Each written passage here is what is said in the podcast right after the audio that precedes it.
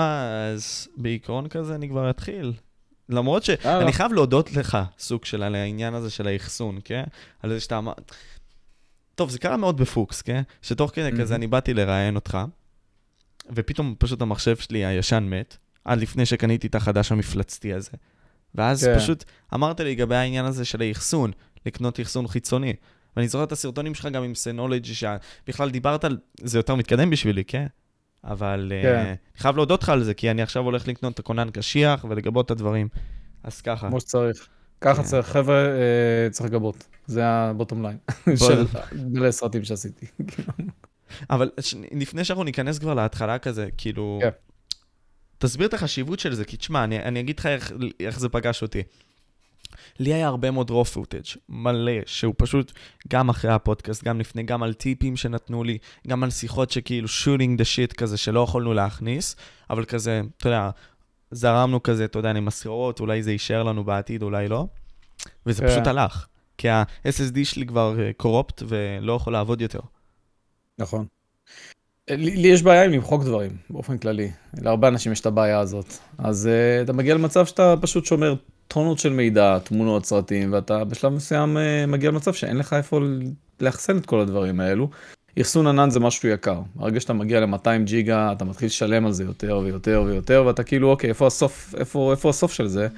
אמ, והוא לא גדל כמו שהיום אה, אתה יכול לדוגמה להגיד שזול לקנות אחסון פיזית שנמצא אצלך, אז נגיד פתרון כזה של, אתה יודע, אחסון מבוסס רשת, שאתה שולט בכוננים ואתה יכול עכשיו לבוא ולהגיד וואלה יש פה, נגיד אני, מה שאני עושה זה משהו הזוי שגם המלצתי עליו לאנשים, ללכת לטכנאי מחשבים וחנויות מחשבים ליד הבית, תמיד יהיה להם מה שנקרא OEM, כונני OEM שהם פירקו מאיזה מחשב, הם לא צריכים אותם. אז זה יכול להיות שאתה תקבל אותם או ב-50 שקל או ב-100 שקל, טרות של כוננים, שאתה יכול פשוט לקנות בגרוש וחצי ולדחוף את זה לאיזה נס כזה, ובום, עוד אחד טרה. שעל אחסון ענן של 100 ג'יגה אתה מתחיל, אתה יודע, להתחיל לשלם כל חודש. אז אני מאוד אוהב את זה, יש לי מלא כאלו יושבים פה בצד, ויש לי את הנס שלי שפשוט זרקתי אליו מלא חטרותים כאלו של אה, פירוקי OEM שקניתי ב-100 שקל ופחות. אה, לפעמים אני ראיתי גם שנותנים אותם בחינם, כאילו, שנגמר וואו. המקום. הם פשוט מה ש... הרי אף אחד לא רוצה את המחשב עם ה-OEM, זאת אומרת עם הכונן המקורי שהוא מגיע, שהוא קטן. בדרך כלל זה 1 טרה, אה, כונן אה, קשיח, אתה יודע, שלוש וחצי אינץ', ואנשים רוצים, רוצים אחסון מהיר, הם לא רוצים את האחסון הזה. אה, אז, אז מה שקורה, הכוננים האלו פשוט נשארים ב... אצל הטכנאי או בחנות ולא יודעים מה לעשות איתם בהרבה מקרים. וזה ממש אה, נחמד ככה, אתה יכול לקחת אותם ולהרוויח אה, כונן. גד אמת, חזק. כי כן. אה, מה- מאותו רגע שאמרת לי את זה, כזה אמרתי, אני חייב לפחות שיהיה לי איזה 5 טרה SSD, לא 5 טרה SSD, כי זה יקר ממש, אבל 5 כן. טרה לפחות של אה, HDD, שפשוט יהיה כן, לי, כן. וזהו. HDD לגמרי. אם אתה מגבה את זה עם ה... כל האחסונים המבוססים רשת האלו, וגם עם המחשב שלך, אגב, אתה יכול לעשות את זה. שיטת אחסון שנקראת RAID, ואז היא עצמה, היא, היא לא פתרון גיבוי, אבל היא כן פתרון של שכפול מידע אם אחד הכוננים קורס. אז uh, אתה יכול, אתה יודע, להפעיל איזשהו RAID כזה, ואז uh, כוננים שאחרים לא אוהבים, פשוט יכולים לך לשמש כאחסון מסיבי להרבה מאוד תוכן. בסופו של יום אנחנו חיים בחוקי משחק דיגיטליים, ואנחנו שמים הרבה מאוד מה stake שלנו, כאילו כמו בפוקר כזה, הול אאוס כזה על המחשב, עד שאנחנו לא מבינים שכשהמחשב, וזה יכול לקרות, יקרוס, ימות, whatever אתה עושה, הכל יכול ללכת איתו. ואין לך כן, גיבוי. זה- הסיפור שלי הוא כזה, אני בעצם איבדתי איזה שבע שנים מהחיים שלי, ומאותו רגע כאילו לקחתי את הנושא הזה של גיבוי כמשהו מאוד משמעותי, כי לי פשוט אין תיעוד של 2000 ומשהו כמו 2007 עד 2012, משהו כזה, כאילו פשוט נמחק לי מהחיים. היה לי את הכל באחסון חיצוני אחד, שמת, הלכתי איתו למעבדה, שילמתי איזה אלף שקל, לא הצליחו לשחזר את המידע, וזה אחת המעבדות הכי טובות בארץ. הלך המידע. fuck. אז אני, אני חי עם זה בסדר היום, אנחנו הרבה שנים אחרי, לא באמת היה משהו מעניין שקרה אה, בתקופה הזאת. הייתי בצבא, אז הלך לי כל מיני תמונות מהצבא וכאלה, בסדר, אני אחיה, אוף. לא זה- קריטי. זה נכון, אבל... לא, לא, אני, אני רוצה פשוט להוסיף לזה. אם זה קרה לך... בדיעבד זה היה נראה כמו מוות, אחי. כן, אני, אני. מאמין, אני מאמין, צביקה, אז זה למה אני חושב שאם אנחנו כבר נתחיל עם משהו שהוא טוב כזה, תיקחו עכשיו, לא יודע, תגבו את התוכן שלכם, תגבו את המידע שלכם. תגבו את התמונות שלכם עם סבא וסבתא ואמא, whatever. זה חשוב. אני חייב להגיד רק שני דברים, שמה שאני עשיתי היה גיבוי, אבל זה לא גיבוי טוב, כי מה שאני עשיתי היה לקחת כונן חיצוני ולהעתיק אליו, וקראתי לזה גיבוי. עכשיו, זה לא גיבוי, זה היה העותק היחיד של המידע. ושהכונן הלך, אז לא היה לי גיבוי. אז הרבה אנשים עושים את הדבר הזה, כולל כמה בני משפחה, שאמרתי להם, חבר'ה, זה לא גיבוי אם אתם לוקחים את העותק היחיד שיש לכם ומעבירים אותו למקום מסוים. זה לא גיבוי. זה פשוט המקום הזה יהיה העותק היחיד, ואם יקרה לו משהו, מה שקרה לי, אין לכם גיבוי בעצם. אז גיבוי זה בעצם אה, שני עותקים של המידע, ואם אתה רוצה להיות עוד אקסטרה סייף, זה שני עותקים של המידע, כאשר יש לך אולי עוד עותק במקום מרוחק. זאת אומרת, אם נשרף הבית, אז יש לך עוד עותק בבית אחר. זה נגיד אה, גיבוי נהדר, ובעולם של סינולוגי אני עשיתי את זה עם החבר'ה, שדיברנו על זה שלדוגמה הסינולוגי של אה, האחסון מבוסס רשת של מישל, אה, יקצה לי 100, 100 ג'יגה אצלו, 200 ג'יגה אצלו, ואני אוכל דרך הרשת לגבות אצלו, והוא יהיה בעצם האחסון המורחק שלי, ואני שלו. זאת אומרת, הוא, הוא, אני לא בעצם מאבד 200 ג'יגה. על כל 100 ג'יגה שהוא נותן לי, אני נותן לו חזרה. אז זה שונה מאחסון ענן, אנחנו לא משלמים אחד לשני, אנחנו פשוט כאילו נותנים אחוז מסוים מהקיבולת שגם ככה יש לנו לבן אדם אחר, והוא נותן לנו חזרה. סתם רעיון מגניב שאפשר לעשות. חזק, וואו. תשמע, אז אנחנו מדברים על התקופה הזאת של 2007, זמני צבא וכל מיני כאלה, וגם דיברת איתי על סקירות שלך, אה, כבר מ-2009, שהיו קיימים. זהו, אז אני חושב שאני גם, יש לי כמה סרטים שמדברים על האופי שלי, שזה לא משהו שאני מדבר עליו בסרטונים באופן כללי, שהוא אופי מאוד בעייתי. זאת אומרת, אני הייתי הילד הזה שאף אחד לא אהב בבית ספר. ואני מבין למה, אגב, כי אני הייתי הילד הזה שבא ומספר כל הזמן לאנשים מה חדש, ומה ההתפתחות הטכנולוגית הזאת יכולה לעזור להם. ואתה יודע, לא תמיד בשנת... אה, אה, 2000 לפני הספירה, מתי שאני הייתי צעיר, אמ, לא תמיד זה היה דבר חיובי. אנשים כאילו לא הבינו מה אני קשור ולמה אני בא ודוחף להם עכשיו דברים. אה, ולמעשה זה היום הפעילות שלי, אני דוחף דברים. אני דוחף מוצרים, אני דוחף טכנולוגיות, אני דוחף חדשנות, אה, ותמיד עשיתי את זה. עשיתי את זה אה, לא ביוטיוב מן הסתם, עשיתי את זה בעולם האמיתי, מול ילדים אחרים בבית ספר, וזה גרם לזה שאני אקבל מכות לא פעם אחת. אה, ובסופו של דבר יש לי גם סרט שלם על זה שאני מדבר שכאילו הגעתי לאיזשהו אירוע אחד מאוד משמעותי שפוצצו לי את הצורה, הייתי צריך ללכת למשטרה וכאלו. ו... על הדבר הזה שאתה דוחף להם טכנולוגיה? לא, לא, לא רק אני זה. חושב שדוחף, אני חושב שדוחף טכנולוגיה זה איזשהו טאב uh, נישה למישהו שהוא בסופו של דבר בא וכל הזמן מספר לך על דברים שהוא חושב שאתה צריך לדעת, אבל אתה לא ביקשת את זה, אז כאילו באיזשהו מקום הילד הזה מאוד מעצבן. אה, אז אה, משם אני בעצם גדל להיות אדם מבוגר שמספר לאנשים על דברים חדשים, דברים שהוא מתעסק איתם, זה למעשה המהות של הערוץ יוטיוב אה, הראשי שלי היום. ואני חושב שההתחלה שלו עוד הייתה לפני זה, כי יש לי סרט אחר שממש רואים בו אותי לפני עשר שנים, מדבר על טלפון מאוד ישן, אחד הטלפונים הסמארטפונס הראשונים שהיו לי זה, זה של HTC, אה, ונקרא טייטן 2, טלפון כזה נפתח. הסרט הזה אני חושב שכבר אין אותו, אבל יש לי את הגלקסי S2 שהוא גם לפני איזה עשר שנים אחרי זה שעברתי אליו, אה, וזה אחת הסקירות הראשונות שהעליתי ליוטיוב באופן כללי, יש שם ב-2012 אם אני לא טועה. וואו. אה, ומשם בעצם אני, לוקח לי כמה שנים להבין. שב-2016 אולי זה משהו שאני צריך לעשות על בסיס יותר קבוע. ואז מזה נפתח אה, נפתחים שני ערוצים, הערוץ הראשון הוא ערוץ GamerDeal, שהוא בעצם ערוץ שבו אני מתעסק במה שאני הכי אוהב, שזה עולם משחקי הוידאו, אה, ומשם אני מתפתח לטכנולוגיה. חצי שנה אחרי זה מקים ערוץ שנקרא CopterDeal, אה, היום הוא עם איזה 56 אלף עוקבים, טוב. והערוץ הזה הוא בעצם פלטפורמה יומית טכנולוגית היחידה בארץ. זאת אומרת, כמעט כל יום עולה שם סרטון, שזה משהו מבחינתי היה מאוד חשוב. זאת אומרת, אני רציתי אה, בתור ילד תמיד שמישהו יעדכן אותי כל יום במשהו. אז היום אני מעדכן כל יום במשהו, אה, וזה המהות של הערוץ, לבוא ולספר לאנשים על חדשנויות אה, מהתחומים שאני נהנה מהם. טכנולוגיה, זה היה לפני כמה שבועות, עשינו שיגור של SpaceX, אז, אז הרבה דברים, זה יכול להיות גם מוצרים, זה יכול להיות גם דברים מאוד מאוד נישתיים, כמו לדוגמה, מה שעשינו עכשיו עם סינולוגי, אני מאוד בגישה של בוא נדבר על מה שצביקה אוהב. אה, הרבה לפני שאני חושב על הצופים, שזה לא בהכרח משהו טוב, אבל ככה הערוץ עובד. אה, רואים את זה גם בסרטים, אתה יכול לראות פתאום סרט 10,000 אה, צפיות, ואתה יכול לראות יום אחרי זה סרט 800 צפיות. צביקה אוהב את שני הנושאים האלו, הקהל לא. אז זה משהו שהוא מאוד חשוב לי, כי אני בתעשייה הזאת הרבה שנים, ובאמת לבוא ושבע שנים לעשות סקירות. אה, זה משהו שאתה חייב לאהוב את מה שאתה עושה. חד משמעית. סקירות זה העבודה הכי קשה שיש, אם אתה שואל אותי. אה, כן עשיתי ולוגים של אה, טיולים, עשיתי אה, סרטים מורכבים שבהם אני עושה איזשהו סרט עלילתי קטן, אה, וברגע שהגעתי לסקירות הבנתי שזה מאוד קשה, אבל אני נהנה לעשות את זה. אז כן. זה מזכיר לי, קודם כל, אות- אני חייב לכבד אותך ואת כל שאר הערוצי טכנולוגיה על העניין הזה. בהחלט. על זה שגם את פיני מערוץ ספורט באיכות גבוהה. כי הרי כשאתה מסקר דברים יומיומיים כאלה, יש לך תחרות. עכשיו, במיוחד בז'אנר הטכנולוגיה. אבל כשנגיד שאתה מדברים על ספורט גם, אתה צריך להיות up to date. ואם אתה עכשיו לא כן. תסקר את המשחק שהיה, סתם דוגמה, עם אה, בוסטון מיאמי אה, ב-NBA, אז אתה תפספס צופים פוטנציאליים שצורכים את התוכן הזה.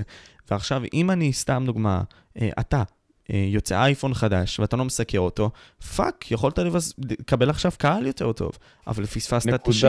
מאוד, נכנסת לנקודה מאוד רגישה, כי אייפונים למסקרים זה בארץ משהו מאוד מאוד קשה, כי החברות לא משאילות כל כך את המוצר הזה לאורך זמן. אה, לי יש גישה תמיד של לבדוק מוצר שבועיים לפני סקירה. במקרה של אייפון הם נתנו אותו לאיזה כמה ימים, אז אני לא הרגשתי נוח לעשות סרט על הדבר הזה. ומה שקרה זה שבסוף הלכתי ואשכרה קניתי את הטלפון באיזה 6,000 שקל, 6,500 שקל. עם כל התוספות זה היה איזה 6,800 שקל, וזו עלות מגוחכת של השקעה לסרטון סקירה אה, בערוץ יומי. זאת אומרת, ערוץ שכל יום עולה בו מוצר. כי אתה לא יכול להוציא 7,000 שקל ליום.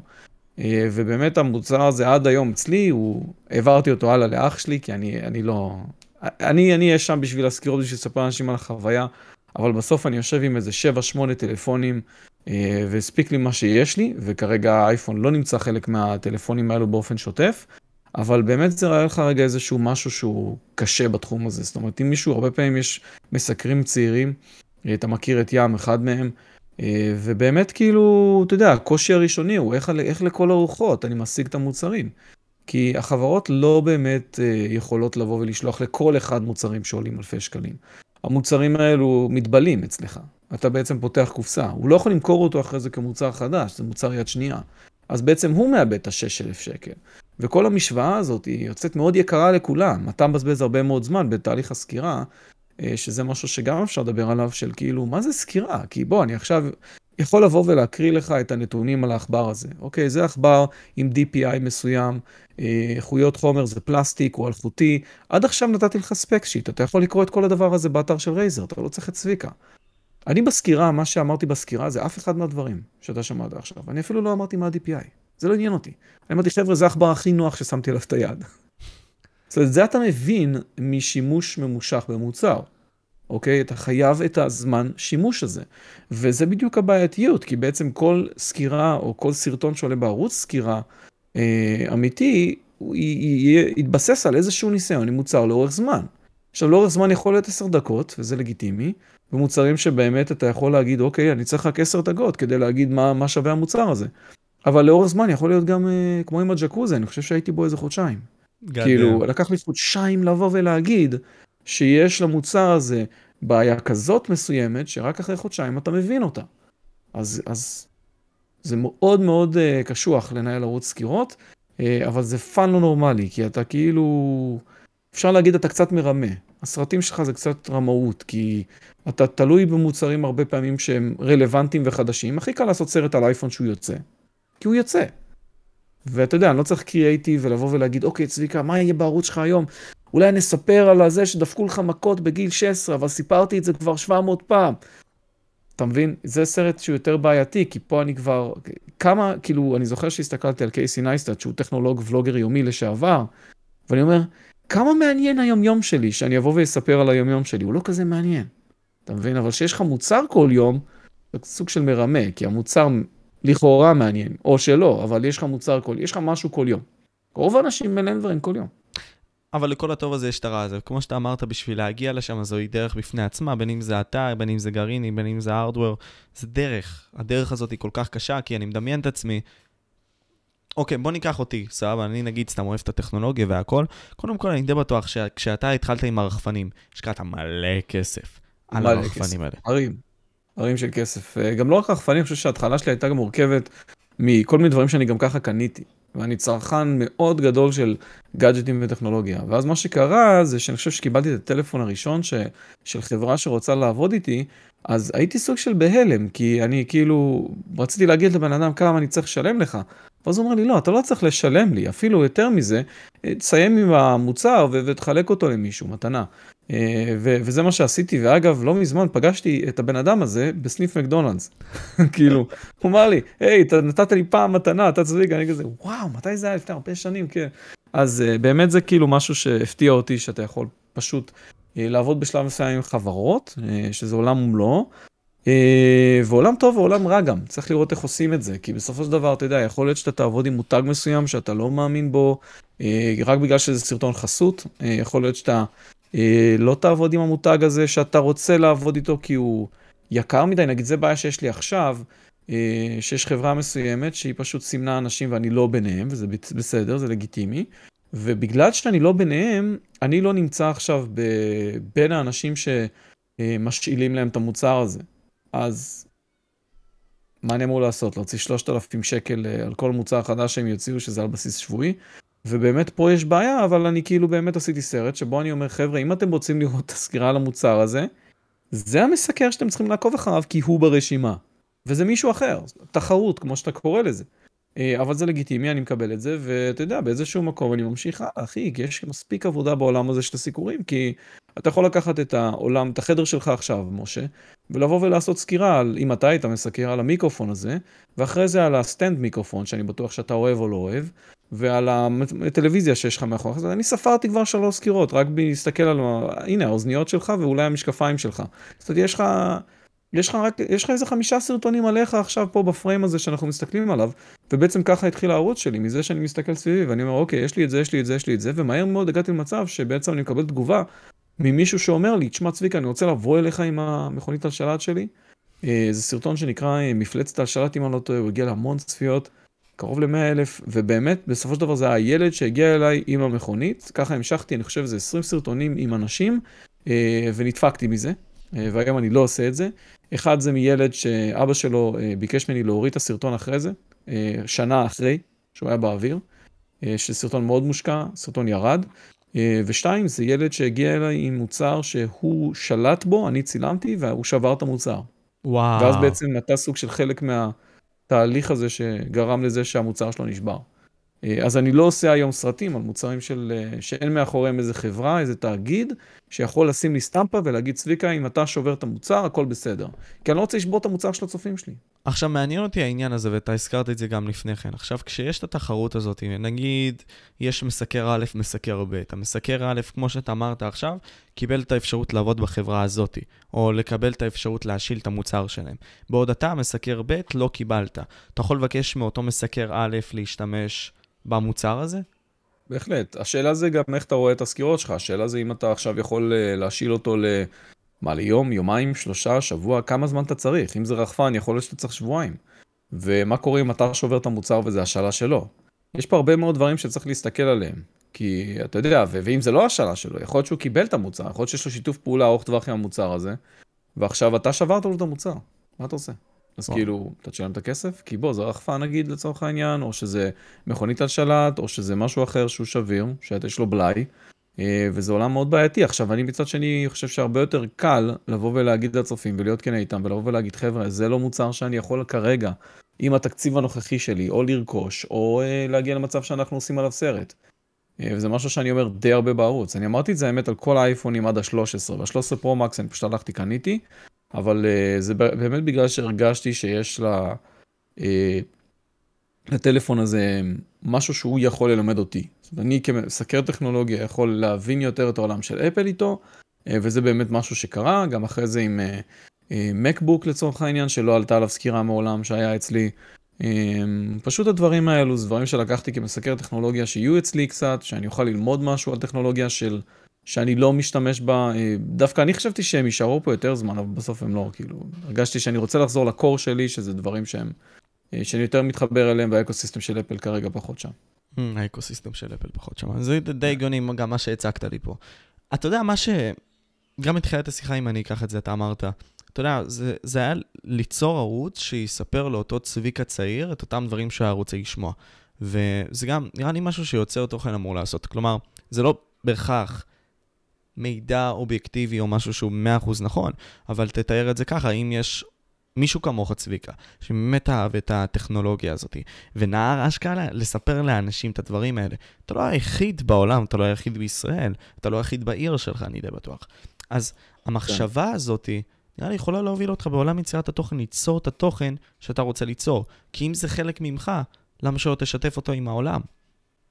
כן, זה גם יצא לי כמה פעמים מצחיק שאני משתף את הדברים שאני חושב שהם נכונים, יש לזה תמיד ביקורת, כי מישהו יכול לבוא ולהגיד לך, היי, תשמע, אתה דיברת עכשיו על הטלפון הזה חצי שעה, אבל לא אמרת כמה מיליאמפר שעה הסוללה שלו, שזה basic.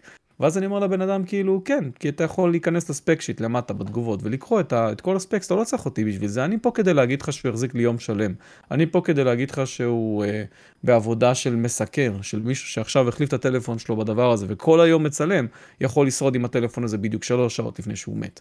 אה, ויש פה באמת איזשהו עניין שאני מנסה להעביר דווקא את החוויות שלי בעולם, אה, באופן כללי, יש, יש לי גם ערוץ באנגלית, אה, ושם אתה באמת רואה את התוצאות של סרטים כאלו, יש מאוד הרבה מאוד הערכה לסרטים כאלו של מישהו שפשוט לא אומר נתונים. הוא אומר נתונים, אגב, אני כן אומר נתונים, אבל אני אומר נתונים שהם באמת הפיצ'רים החדשניים של המוצר הזה. לצורך העניין, אם יש לי סדרת מוצרים שכולם היו 5,000 מיליאמפר, אני יכול אפילו לדלג על הנתון הזה, כי זה היה בכל הדגמים הקודמים שלו. אני כן יכול להגיד שזה, אתה יודע, איזשהו מוצר שיש לו סוללה טובה לצורך העניין, במקרה של טלפון, אבל uh, אני לא אבוא וירחיב עכשיו על הנושא הזה.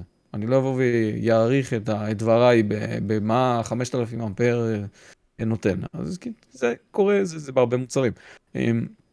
בבינלאומי אתה ממש רואה את הצפיות עפות אם אתה מתחיל בסקירה כזאת. זאת אומרת, אם אתה בא ואתה אומר כאילו, נגיד הסקירה על ההליכון, התחלתי אותה בזה שאני אומר, אני לא הולך להיות שמן יותר. זה הגיע לאיזה חצי מיליון צפיות. 600 ומשהו, כן, אני זוכר. כן, וזה כאילו, ומישהו הוריד החברה, walking pad, הורידה את הסרט, הפיצה אותו מחדש, הוא הגיע לאיזה מיליון נקודה שבע צפיות. וואו. וזה פשוט חיבר אותי להמון אה, מותגים ברחבי העולם.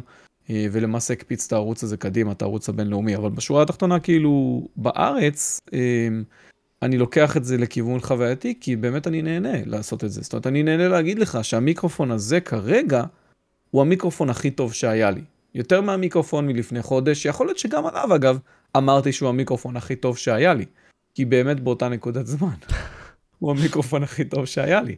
אה, אני משתדל לעשות את זה פחות היום, אבל זה, זה הבעיה שהייתה לי בתור ילד, שאני כל פעם הייתי בא ומקצין את החוויות שימוש שלי עם משהו מסוים, או עם אה, חוויה מסוימת. אתה בסופו של דבר זה hard to, hard to handle לאנשים אחרים שלא רוצים עכשיו את האקסטרים של כל דבר. אז אני כן היום משתדל לבוא ולהגיד, שמעו, כאילו יש אופציות מצוינות, יש נהדרות, כי יש הרבה מיקרופונים טובים שהיו. המיקרופון הזה, לדעתי, נשמע יותר טוב. אה, הסקירת מיקרופון הקודמת שעשיתי, אני חושב שפשוט לא אמרתי עליה כלום. כאילו, אה, אה, זה היה על אוזניות, פשוט אמרתי לאנשים, אני אפילו לא הולך להגיד, לא הולך להגיד לכם את הדעה, אתם הולכים לשמוע את המיקרופון במהלך כל הסקירה הזאת, תגידו לי אתם מה אתם חושבים. באמת לא אמרתי את הדעה שלי, וזה אחד המיקרופונים הכי טובים שבדקתי. זה מיקרופון עם הדסט, uh, לצורך העניין. איזה? מיקרופון מובנה על אוזנייה. אה, וואו. אה, ספציפית של קורסר, זה משהו זול מאוד, ויש סקירה שלמה שצולמה עם זה, וזה נשמע כמו מיקרופון מקצועי, שאתה שם עם stand ו boom וכל הדבר הזה. בלי כלום, פשוט פה על ה... חזק. נשמע נהדר. וכל הסקירה, פשוט, כאילו, אנשים כתבו לי בתגובות, צביקה, אני לא מאמין לך שזה הוקלט עם המיקרופון. כן, הוקלט, בלי עריכת אה, סאונד, בלי כלום. אז אתה רואה את היופי הזה, קודם כל, אתה אמרת עכשיו, עם התהליך הזה, גם בערוץ רוטורדיל, שזה הערוץ האנגלית שלך, אה, שפתחת ב-2016, ששם עשית את כל הסקירה הזאת של ההליכונים, וגם יש לך הרבה מאוד סרטונים שקיבלו הרבה מאוד צפיות. גם עם האהדה של הקהל, גם הסגנון מיוחד הזה שלך, שאתה לא בהכרח אומר כזה, אוקיי, הספקס הפשוטים האלה, אתה גם נותן את הפיל של מה זה המוצר באמת. אתה אומר את זה בשפה שלהם, בשפה של האנשים הפשוטים שלא בהכרח מתעמקים לדברים האלה, וזה חשוב. ואני אישית אוהב את זה כשאני רואה את הסקירות שלך. זה, זה גם, אתה יודע, זה גם האופי שלי, אני חושב שאתה דיברת מקודם על המסקרים האחרים, שהם אגב כולם חברים היום, שלי, אנחנו חברים אחד לשני, אנחנו נפגשים לפיצה מדי פעם. Um, הרעיון הוא שבאמת אתה צריך לקחת, כדי לעבוד בתעשייה הזאת לאורך זמן, אתה צריך לקחת את מה שאתה אוהב, ולעשות אותו בדרך שאתה אוהב. והרבה פעמים, אתה יודע, אנשים כאילו נסחפים ל... אה, זה יכול להיות הצד המסחרי של התעשייה, זה יכול להיות כל מיני מקומות שבהם אה, אופי העבודה שהם מגיעים למצב שהם, אתה יודע, אני רואה את זה, אני רואה את זה המון בעולם של הטכנולוגיה, שאנשים צריכים את המצלמה הכי טובה, שהם צריכים את הסטודיו הכי טוב, שהם צריכים את הכל הכי טוב. ומה שקורה זה שבסוף במקום לעשות את הסרטים, שזה מה שהקהל שלהם מצפה מהם, הם מתעסקים בלאגור עוד דברים. ואחת השיחות שהייתה לי לאחרונה עם אה, קולגה אה, שאני מאוד אוהב אגב, זה שדיברתי איתו על משחק מאוד ספציפי, מסוים. הוא אמר לי, אה כן, יש לי את הקונסולה. אני כזה, אוקיי, אתה רוצה את המשחק? כי כאילו, אני יכול להביא לך... לא, לא, יש לי את הקונסולה, אני לא מגיע לזה. אני כזה, אה, אוקיי, אז מה אתה משחק? הוא אומר לי, אה, יש לי גם את הקונסולה הזאת, ואתה יודע, יש לי גם את זה, אבל עוד לא הפעלתי אותם. אוקיי, אז, אז, מה, אז מה בעצם יש שם? יש שם, אה, מה יש לך, ארונית מלאה בקונסולות? כאילו, בוא, לי יש גם את שלושת הקונסולות. יש לי גם את כל הקונסולות שקניתי בדורות הקודמים של בערך כל המוצרים האפשריים, ואני גדלתי אה, עם אה, משחקי וידאו. אה, אני לא יודע אם הייתי משאיר לאורך זמן קונסולה שיושבת פה וצוברת אבק, אה, בלי לשחק. For no effing reason, כן. כן, כאילו, אחי, גם ככה החדר פה מפוצץ, יש, אין, אין, אין סוף קופסאות פה עד התקרה. אני רוצה להעיף דברים. אה, ואתה יודע, גם באיזשהו מקום אני מרגיש שאם אני עכשיו אה, מספר לאנשים, אה, נגיד בגיימרדיל, שזה ערוץ שידורים עם משחקים שלי, אני משדר משחקים שאני אומר בהתחלה, חבר'ה, המשחק הזה כנראה לא יעניין אף אחד, אבל אני הולך ליהנות ממנו. וזה כאילו, אתה יודע, חלק מהעניין הזה של לאהוב את ה... לעסוק, בדברים שאתה אוהב, לבוא, ו... לבוא ולהגיד, זה לא מעניין את הצופים שלי, אני יודע. אבל אני אהנה מזה, זה משהו שבאמת יכול להשאיר אותך הרבה שנים. אתה רק צריך מן הסתם לדאוג שאתה לא תהיה בסוג של סטרס, כי הרבה מאוד אנשים נכנסים ליוטיוב כעיסוק מרכזי, והם חושבים שזה תהיה העבודה שלהם על ההתחלה, והם חושבים שזה ישלם להם את השכר אה, דירה, ושזה, אה, ו, ו, וזה, וזה ממש לא המצב של 99% מהאנשים. אז הרבה מאוד אנשים בעצם מפספסים קצת את העיקרון עם הכניסה לתחום, עם הכסף, שהכסף מוביל אותך. אה, ואני אומר לאנשים האלו, תשמעו, אני במשך שנתיים כאילו לא הרווחתי שקל. אה, וגם היום שאני מרוויח, זה הרבה פעמים על כל מיני פעילויות אה, שאני, חברה מסוימת צריכה ממני שירותי מדיה מסוימים, או שאני אעשה להם הדרכות על המוצרים שלהם בערוצים שלהם. ושם אני עושה את הכסף, כאילו שם אני בא ואומר לבן אדם, אוקיי, בוא תראה, כאילו, זה, זה הרבה מאוד עבודה, אפשר לגבות לזה כסף. בוא אנחנו נעשה לך את הסרטים, ואתה נכנס לערוץ שלו באמת, ואתה רואה את הסרטים שם. אה, אבל בשורה התחתונה, כאילו, אתה יודע, אני, אני לא חושב שאם הייתי רק פיור כסף ב, ב, אה, בעבודה שלי, הייתי ממשיך כל כך הרבה שנים. כי זה כאילו, אני חושב שהייתי פשוט מתאבד. כאילו, זה פשוט לא כיף לעבוד רק בשביל הכסף. אתה צריך את הפאן, אתה מבין? כאילו, זה... אתה, אתה עד עכשיו, כאילו, דיברנו על זה לפני שהתחלנו, אתה עד עכשיו, כאילו, רוצה אה, ללכת לאיזשהו מפגש, אתה צריך לשלם על זה. like a big boy, אחי. כן, כן. אני עכשיו כאילו בודק אפשרות לראות כנס טכנולוגי אה, עם אוריינטציה לגיימינג גם, אה, בגרמניה, וכל שנה אני טס לשם, וכל שנה אני משלם סביב ה-7,000 שקל. אני, הכיס שלי, מוציא מהדבר הזה. אה, וזה גם כשאני קמצן רצח וישן בעיר ליד, ואתה יודע, נוסע באוטובוסים כדי להגיע לכנס. אבל אה, שאר האנשים שהגיעו לכנס הזה באמת הגיעו עם חסויות. אני לא. אני הגעתי כאילו פיור, אני בא בשביל עצמי, אני בא בשביל ליהנות, אני לא הולך לקדם מותג כזה או אחר. אה, השנה ספציפית דווקא היה, הייתה לי הצעה לחסות שהיא יכולה להיות מעניינת, שהיא כן נותנת לי את החופש לעשות מה שאני רוצה. אז יכול להיות שהשנה זה ישתנה, אבל פה בדיוק העניין הזה של חסויות הוא מאוד מאוד בעייתי. אה, בתעשייה שאני נמצא בה. כי יכול להיות שעכשיו אתה נמצא אה, עם סקירת מוצר מסוים, כמו המשקפי שמש שיש לך על הראש, ואתה מאוד אוהב את המותג הזה, ואתה מאוד אוהב את האיש קשר שדאג לך ל-600 משקפיים שיש מאחוריך שם בארון, ועכשיו אתה צריך לעשות סרט על הדגם הכי חדש שלהם. אז איך אתה אוכל את זה? איך, מה אתה עושה? איך אתה מנהל סיטואציה כזאת? וזה מצב שאני נתקלתי בו כמה פעמים בקריירה שלי, שאתה אומר כאילו, אני לא יכול בלב שלם להמליץ על המוצר. אני לא יכול. והשאלה היא, מה אתה עושה? אתה הולך אה, ומוציא את זה ל-50 פלוס אלף עוקבים שלך, אה, בצורה שבה אתה אומר להם, אוקיי, זה המוצר הזה, זה דרך אחת, אגב, מעניין לעשות את זה. הנה הנתונים שלו, A, B, C, D, אני הייתי צביקה, ביי. כן. לא אמרת אה, שהתחשמלת ברגע. שחיברת את זה. סתם דוגמה, זה, הטלפון הזה נהדר, זה הטלפון, ה... זה השיומי כמובן, לא התחשמלתי לו כלום, אני מאוד ממליץ עליו, שזה לא יהיו, שלא יהיו פה טעויות. אני לא ממליץ על הדבר הזה, זה כן, על זה אני לא ממליץ. אה, אבל אה, בשורה התחתונה באמת אתה צריך כאילו אה, לבוא ולהגיע למצב שאתה מתנהל מול חסויות ומול חברות בצורה שהיא שפויה לך, לצופים שלך. מאוד קל לבוא ולהגיד כאילו, וואו, אם אתה מביא לי 600 זוגות משקפיים, אני הולך להגיד משהו חיובי עליך. ואני היום, הרבה פעמים כשאני מדבר עם חסויות, אני אומר להם כאילו, תשמעו, בואו, בואו נדבר תכלס, אם המוצר הזה הוא מוצר לא טוב, אז אתם תשמעו, הצופים שלי ישמעו את זה.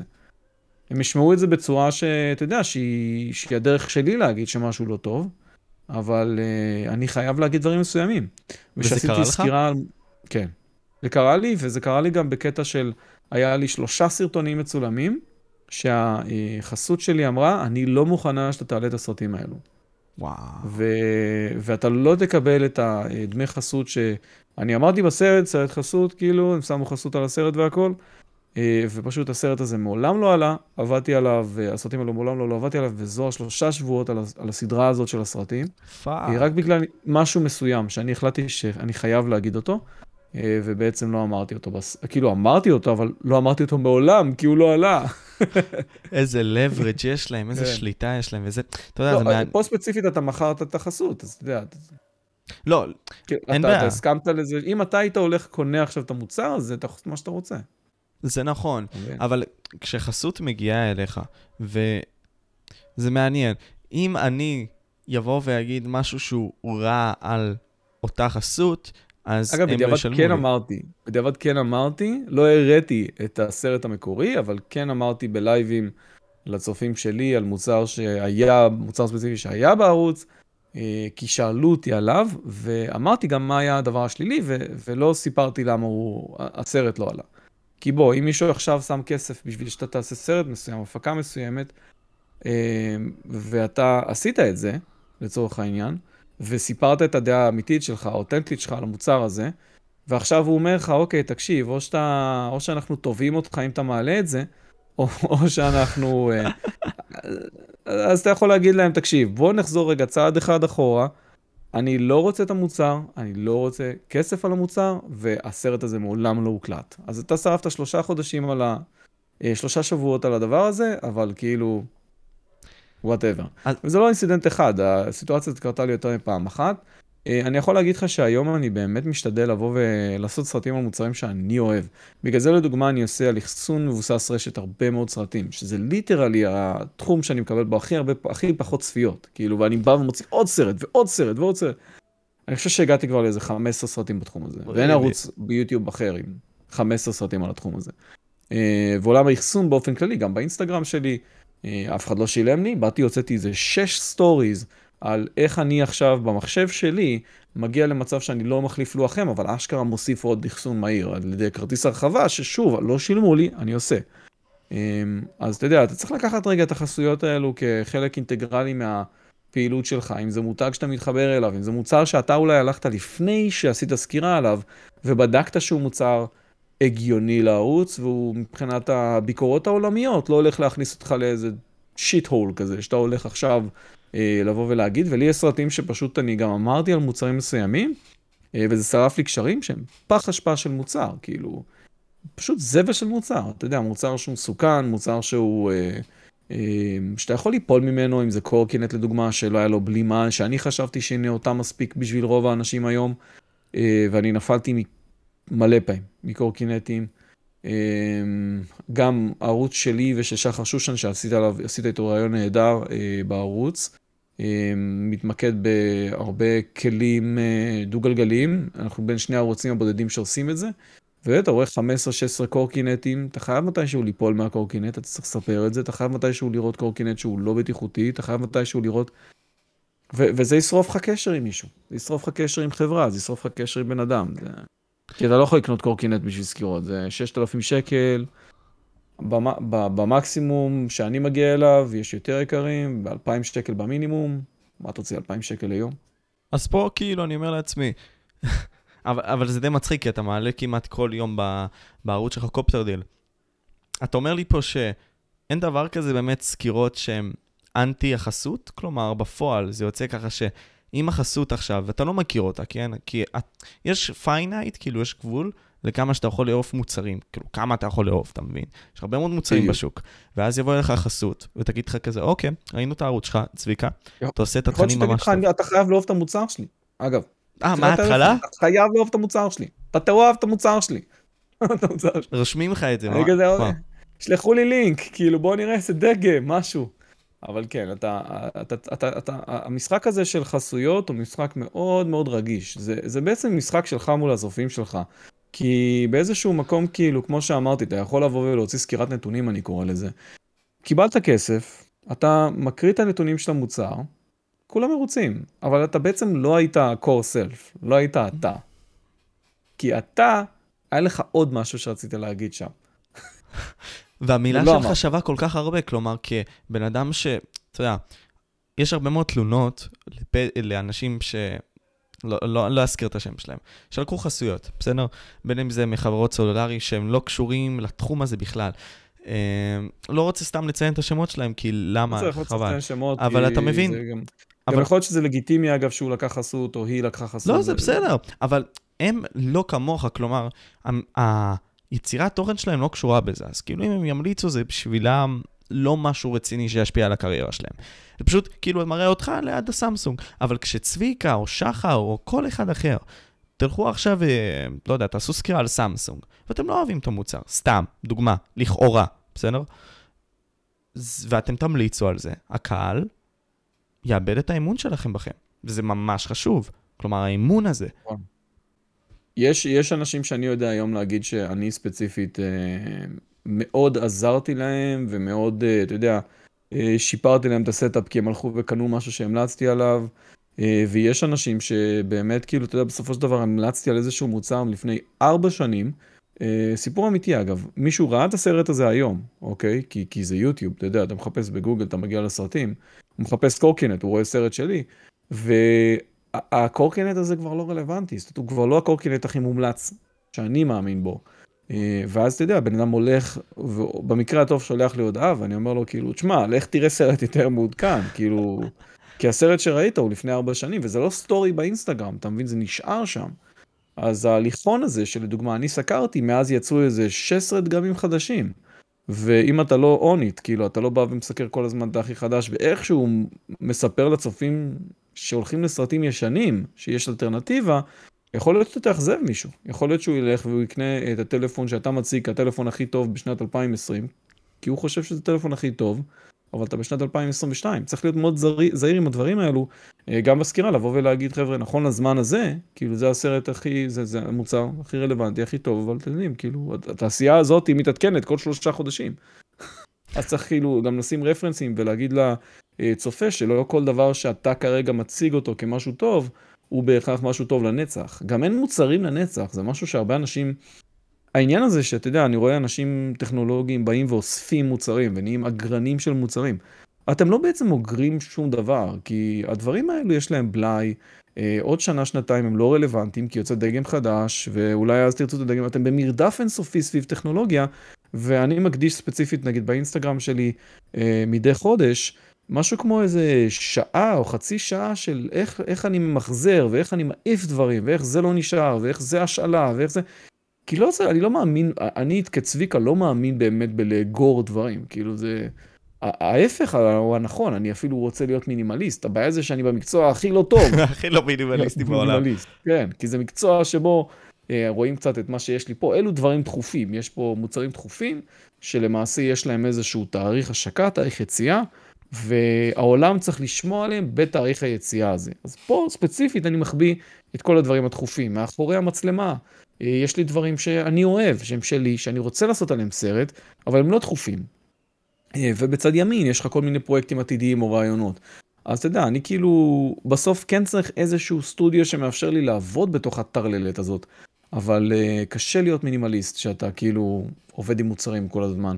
ובעולם של האולטרה משפיענים, או אנשים שאתה יודע, באים והם, לצורך העניין, עוקבים אחרי מאות אלפי אנשים, אני לא מבין איך הם מסדרים את הבית שלהם. כי הם אפילו לא עושים את הסקירה. כאילו, הם פשוט מקבלים הכל.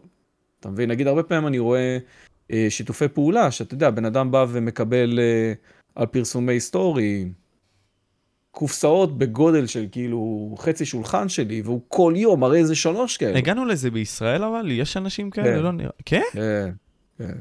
כן מי בדוגמה? של... היום קיבלתי אס.אם.אס שאומר לי, אנחנו רוצים לתת לך ערכה בשווי 500 שקל, מתנה, תוציא לנו שתי סטוריז על איך שאתה מטפח איבר מסוים בגוף, ולא, איבר, איבר, לא האיבר הזה, אבל כאילו... אז זה למה אמרת לי על הוויברטור לפני שהתחלנו. כן, לא, אין לי ויברטורים. אני צוחק. אבל כן, זה הרעיון. אה, אז, אז, אז אתה יודע, בסופו של דבר, כאילו, אני מסתכל על זה, ואני אומר, אני לא, לא יודע אם אני הייתי שמח להיות זה ש...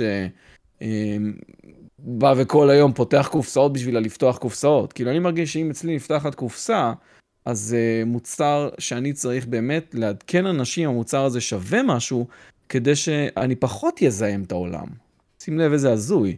כי אז אני בא ואני אומר לבן אדם, תקשיב, זה מוצר באמת טוב, אז אם אתה תכננת לקנות זבל, אל תעשה את זה, כי אתה תחליף את הזבל הזה ואתה תזהם את העולם כפול. אל תחליף את המוצר הזבל, בוא קח את המוצר הזה, הוא מוצר טוב, או הפוך, זה מוצר זבל. זאת אומרת, אני, אני מנסה לי, לבוא בגישה של, כאילו, אני אספר לך על מוצר טוב כדי שאתה לא עוד יותר תקנה שטויות או, או ג'אנק שאתה לא צריך. אה, והרבה פעמים, אתה יודע, אני מגיע למצב שאני אומר לעצמי, כאילו, אולי לי הגיע הזמן להחליף את המקלטת הזאת, כי אני באמת משתמש בדברים הרבה מאוד זמן. ואם תסתכל דווקא בעולמות הטכנולוגיה, אתה תראה שדברים מאוד מתחלפים, הטלפון הכי חדש כל הזמן, אה, אבל אצלי, אה, יש, יש מוצרים פה שאני משתמש בהם, המוצר הזה, אני חושב שהוא כבר בין, בין שנתיים כבר, זה הווייפר של רייזר. אה, וכמות העכברים שעברה אצלי היא, היא מטורללת, כאילו אני מחליף אה, עכבר לסקירה כל, אה, כל שלושה שבועות, כל שבועיים, ואני עדיין איתו. אז כאילו, אתה יודע, העכברים האלו השאלות, הם באים הולכים, אני משווה אותם, אני מדבר עליהם והכל טוב ויפה, אבל בסוף אני נשאר עם העכבר הזה מלפני שנתיים. מבין? כי הרי הוא עדיין שורד, והיופי שאתה... הוא פשוט טוב. כן. לא, הוא באמת טוב, הוא העכבר הכי טוב שאני יצא לי לבדוק, אני גם אומר את זה בסקירות שלי, שכאילו יחסית לווייפר זה ככה וככה, או שאני פשוט הסקירה לווייפר, אמרתי זה העכבר הכי טוב שהיה לי אי פעם, וזה עדיין העכבר הכי טוב שיש לי, כאילו... אה, יש עכברים מסוגים שונים, יש נגיד עכבר אנכי שעשיתי עליו סקירה. אנכי? לפני, אה, כן, עכבר אנכי זה עכבר של לוג'יטק, הוא נקרא ליפט. אה, הוא עכבר מאוד שונה, בעצם במקום להחזיק את היד ככה, אתה מחזיק את היד ככה. ואז מפרק כף היד שלך, אם הוא בדרך כלל בזווית כזאת שזה פחות ארגונומי, הופך להיות יושב על המשטח. אה, וואו. ואז אתה בעצם מזיז ככה. איזה מוזר זה. זה מאוד מוזר, אבל כשאתה מתרגל לזה, להרבה אנשים, לא לכולם, זה נוח מאוד. ובסקירה אני בעצם מדבר על זה שלי יש היסטוריה עם עכברים כאלו, כי בעצם במשרד השתמשתי אה, בעכבר אה, דומה של חברה אחרת שקניתי, אה, ובעצם הליפט הוא הדרך של לוג'יטק אה. לתת לעכבר כזה לאנשים ששוב, יש גם הרבה אנשים עם מוגבלויות או נכויות שהם אה, חייבים דברים כאלו. זאת אומרת שאתה יודע, יש להם מגבלות שהן לא מאפשרות להם לעבוד עם עכברים רגילים. יכול, יש אנשים שיש להם כאבים במפרק כף היד, וגם קיבלתי הודעות מאנשים שם, אמרו לי, תשמע, יש לי כאב כזה וכזה כזה, אובחן על ידי אורתופד. אמרתי להם, וואלה, אני לא יכול לתת לך אבחון רפואי, אבל אני יכול להגיד לך שאם יצא לך אה, לנסות עכבר אנכי, תנסה. אה, זה לא יקר, וזה יכול לפתור הרבה מהבעיות של הכאבים אם יש לך זה. זה לא עכבר גיימינג, אתה יודע, צריך להגיד את זה. זה לא עכבר DPI גבוה, אתה לא... אבל זה עכבר שיכול לפתור לאנשים בעיות. אתה מבין? וזה גם עניין בטכנולוגיה, כלומר, לא כל מוצר כן. הוא משרת את המטרה שאתה רוצה שהוא ישרת. וזה גם חשוב להבין. כי אני קש... חשבתי על זה עכשיו, כאילו, איך זה הגיוני כל כך להזיז את זה בצורה נוחה, אבל uh, לאנשים... מתרגלים להכל, אחי. נכון. מתרגלים להכל. Uh, העולם, העולם של הכיסאות, אני חושב שאני בין הערוצים שבדקו הכי הרבה כיסאות גיימינג. אני חושב שעברתי את ה... לא רוצה להגיד עשר, אבל איפשהו שם. Uh, ובאמת, כאילו, גם תרמתי חלק מהכיסאות, כי פשוט לא היה לי מקום פה. אבל בשורה התחתונה, כאילו, הגעתי למצב שאני יודע להגיד היום מתמונה איך הכיסא הזה ירגיש, כאילו, על, על, על, מישיבה. אה, וזה התחום שאני חושב הכי אה, גרם לי לאיזשהו אה, צביטה, כי אני בא ואני אומר למישהו, תשמע, הכיסא הזה נוח, אבל אין דבר כזה, אתה לא יכול להגיד למישהו שהכיסא הזה נוח. לא, המילה נוח היא, היא מאוד אינדיבידואלית. נכון. אה, ושם אתה לא יכול לבוא ולהגיד לבן אדם ששוקל פי שתיים ממך, שכיסא מסוים הוא אה, נוח, אה, כי אתה לא יודע איך זה ירגיש לו. יכול להיות שהוא צריך כיסא רחב יותר, ואתה יודע, יש כיסאות שיש להם פנסים בצדדים בגיימינג, ואז הטוסיק יושב על הפנסים האלו, זה הכי לא נוח בעולם. ואנשים מזמינים היום כיסאות באינטרנט, כאילו הם מזמינים את הכיסאות גיימינג האלו באינטרנט באלף, אלפיים שקל. אז uh, יש כיסאות שהם רכים יותר, יש כיסאות שמגיעים בלי כרית לגב, ואז אתה לא יכול להצמיד כרית, וה...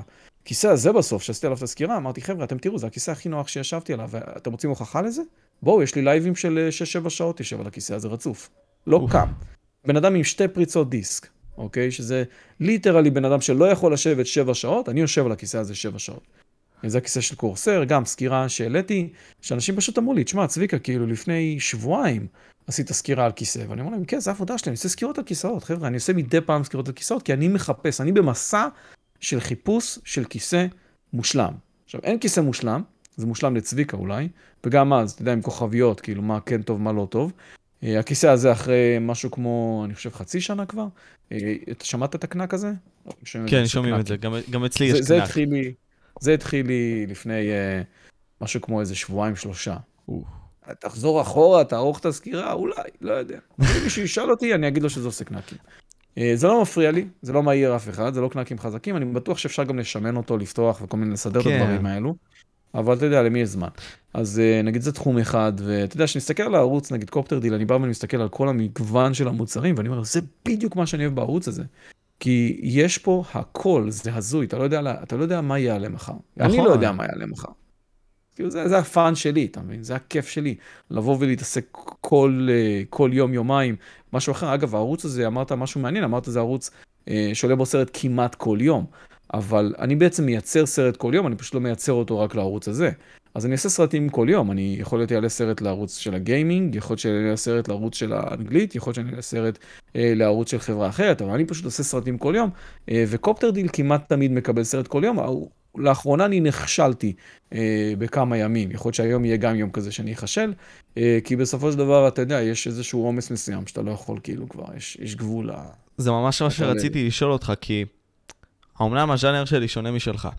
אבל נגיד בפודקאסטים, נניח עכשיו קרתה לי איזושהי תקרית, ופשוט לא, לא, לא העליתי סרטון כבר שבועיים.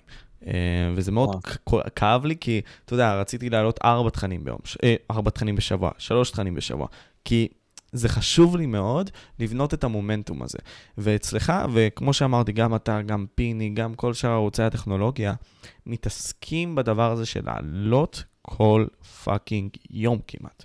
ואני אומר לעצמי, אה, איך זה הגיוני? אתה צריך, אתה צריך, אני חושב שלי, יש לי שלושה מסכים פה. באחד המסכים פתוח לי פשוט מה שנקרא אה, תוכנית עבודה. אתה חייב לשבת על תוכנית עבודה. אה, חשוב להבין שבסקירות, לצורך העניין, אתה לא יכול לעשות סקירה היום על העכבר הזה, אם רק פתחת את הקופסה וזה סקירה. אז אצלי לדוגמה, אחד הדברים שאני עושה זה, אני כבר מראש לדוגמה מתנסה במוצרים של שבוע הבא. יש לי תוכנית עבודה של שישה מוצרים השבוע, חמישה מוצרים השבוע, שבעצם כל חמשת המוצרים האלו הם מוצרים שהסקירה שלהם תעלה שבוע הבא וצפונה. כרגע יש לי בקנה אישית אה, שישה מוצרים דחופים לשבוע הזה, שיש לי עליהם מספיק ניסיון כדי לספר לך עליהם, לצורך העניין. אה, חלקם באמברגו, יכול להיות שאני לא יכול להגיד לך שהם אצלי, אבל הם אצלי. ויש לי עוד, אה, נסתכל עכשיו ברשימה, עוד 18 מוצרים שאני אה, עוד לא התחלתי להתנסות בהם, והם פה. זאת אומרת, הם צריכים לעלות כסקירה. אז אנחנו מדברים על סדרי גודל בתוכנית העבודה של 24 אה, מוצרים ברצף. לכמה אתה צריך לסגור אותם? כלומר, מה, מה הטווח זמנים שלך שאתה עומד עליהם? כלומר, אם עכשיו יש 24 אני, מוצרים. זהו, אז אני עכשיו לצורך העניין יודע ש... בדיוק, אז לא כל מוצר הוא מוצר שאתה יכול להגיד, וואו, אני צריך בדיוק שבוע עם הדבר הזה ואני אעשה סקירה. יש הרבה מוצרים שבאמת אתה, הם פשוט מורכבים מדי. לדוגמה, הייתה לי מצלמה של פנסוניק אצלי, אה, מצלמה זה עולם ומלואו. כאילו, אתה, אתה צריך ללמוד לצלם איתה, אתה צריך לצאת מהבית, לצלם דברים מעניינים. אה, ובאמת, כל כך נהניתי מהסקירה הזאת, אני חושב שמשכתי את הזמן עם המצלמה הזאת כמה שיותר, כמה שיותר, רק כדי לצבור עוד קצת ניסיון עם המצלמה, בסוף החזרתי אותה מן הסתם, זה, זה 6-7 אלף שקל מצלמה, גוף מצלמה. אה, ובאמת, באמת, כאילו, אתה יודע, רציתי לגבש דעה על המוצר הזה. אה, יש, יש עולם מולו, לדוגמה, אה, אני מסתכל הרבה מאוד מקלדות. זה סרטים שהם מאוד לא מוצלחים מבחינת צפיות, אבל יש לי, אתה יודע, קהילה של דיסקורד, שיש בה איזה 4 אלף איש. והרבה פעמים אני בא ואני מציף שם מול האנשים, אתה גם יצא לך לדבר איתי שם, אה, את העובדה שאני מתעסק עכשיו בסקירה של מקלדת, ובמקרה באותו יום היה מישהו שהוא מהחבר'ה שאני יודע שהוא מומחה במקלדות, והוא אמר לי, צביקה, תבדוק שהכבל יוצא מהצד ולא מהאמצע של המקלדת. ואני אומר לו, מה זה משנה? ואז הוא אומר, זה מאוד משנה לאנשים כמוני, כי כשזה מהצד, אתה יכול למשוך את זה עם הסידור כבלים, וכשזה מהאמצע, זה עובר לך בתוך, ה, בתוך הזה. אז אם חשוב לך סידור כבלים, זה שהכבלים יוצאים מהצד, זה הרבה יותר שימושי. ואז אמרתי, וואו, אוקיי, זה משהו שאני בחיים לא הייתי חושב עליו. וגם אין אותו בסקירות בחו"ל על המוצר הזה, למרות שהכבל יוצא מהאמצע. ואז הוא אמר לי, רק תבדוק גם שהכבל מתנתק, הכבל USB למקלדת. כי אני לדוגמה משתמש בכבלים מיוחדים, אתה יכול לראות אותם, זה כבלים שאני קונה אה, באופן פרטי, שהם אה, למעשה כמו קפיץ, הם נסגרים, ואז הם לא תופסים הרבה מקום על השולחן. וואו, לא ידעתי שיש דבר כזה. אז אתה יודע, אתה יכול לבוא בסקירה ומניסיון ממושך לבוא ולהגיד, שמעו, אם אתם כאילו מחפשים מקלדת שאפשר ממש לקסטם אותה, אז הכבל פה לא מתנתק, אתה מבין? כל מיני דברים כאלו, אה, שאז הבנתי שזה משהו יחסית נדיר כבל שמתנתק אגב ממקלדת. אה, אבל יש היום מקלדות שנגיד קורסר עושים, שבאמת הכבל שלהם מתנתק, אה, ויש מקלדות שלדוגמה כבר מגיעות עם הכבל המשודרג הזה, שהוא כזה, אתה יודע, כמו, כמו קפיץ, נראה כמו קפיץ כזה, זה משהו מגניב.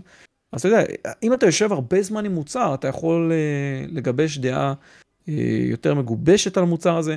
יש גם אנשים שאתה יודע, באיזשהו מקום אולי... אמ, אולי יהיה הכי קל לא להשתמש במוצר בכלל, כאילו לבוא ולעשות, כמו שאמרתי לפני זה כבר כמה פעמים, אה, סקירה שהיא סקירת אנבוקסינג, שזה כאילו בואו, אני פותח קופסה, איזה יופי, אה, ואני עשיתי לא מעט כאלו.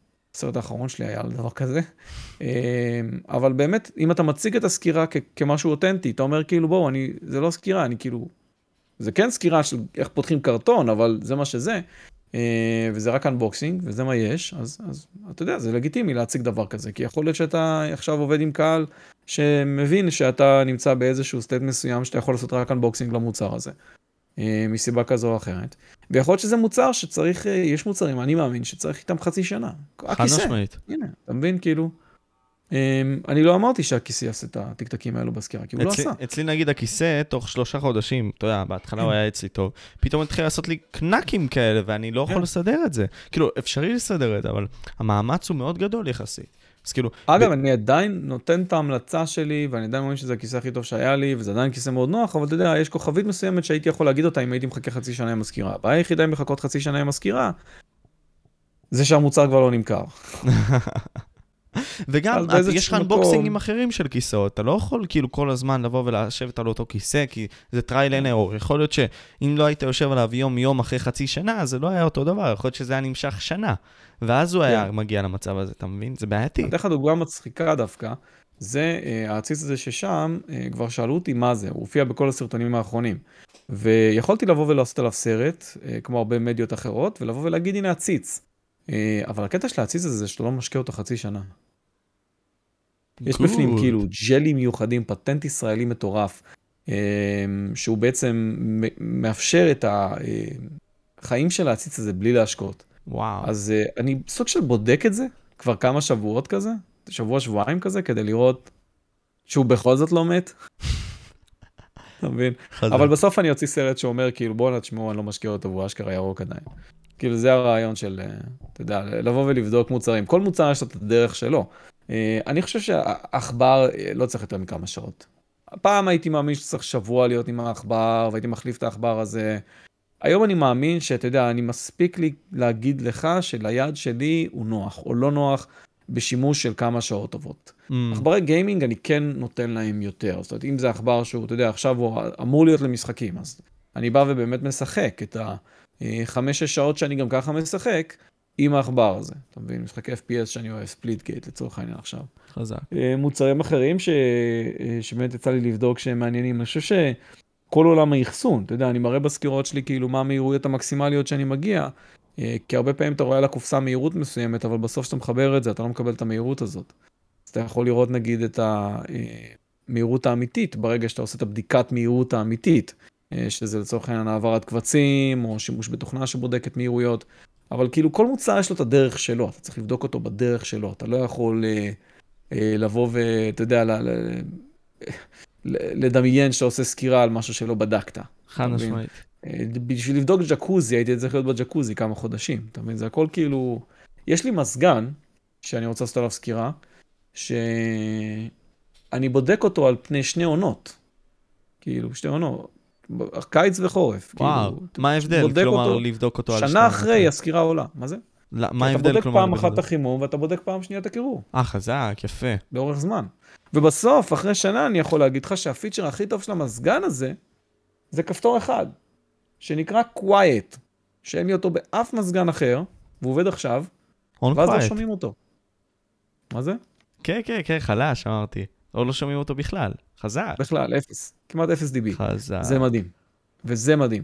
ועוד אוהבתי, רציתי לבדוק את זה עם מד רעש וכאלו, אבל כאילו, לקח לי הרבה זמן לבוא ולהבין שזה כאילו מזגן שאני יכול ליטרלי להמליץ להרבה אנשים עליו. כי אני אה, אה, גיליתי שלדוגמה בתחום הזה של המזגנים, לדוגמה, אחת הבעיות הכי גדולות זה לא המזגן, זה ההתקנה שלו. מסתבר שרוב האנשים אה, מביאים איזשהו מתקין חינמי או זול או כל מיני דברים כאלו, ואז מה שהוא עושה הוא מתקין לא נכון את המזגן, וכשהוא מתקין לא נכון את המזגן, מה שהרעש נובע מזה שהוא קרוב מדי לתקרה.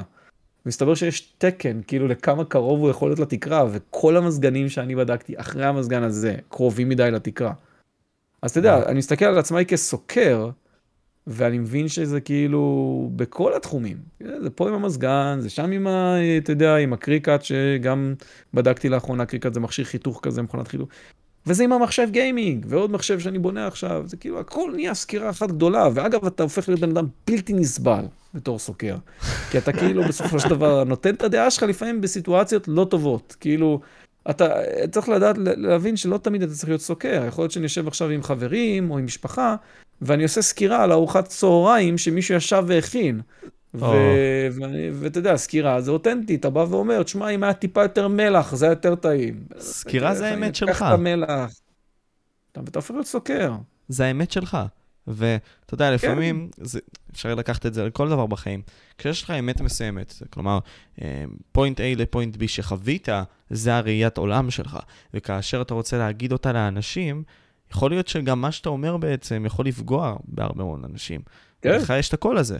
כי אתה כל האמת בטכנולוגיה של האנשים ככלל. כלומר, ילדים צעירים, אנשים מבוגרים, זקנים, כל הז'אנרים האלה.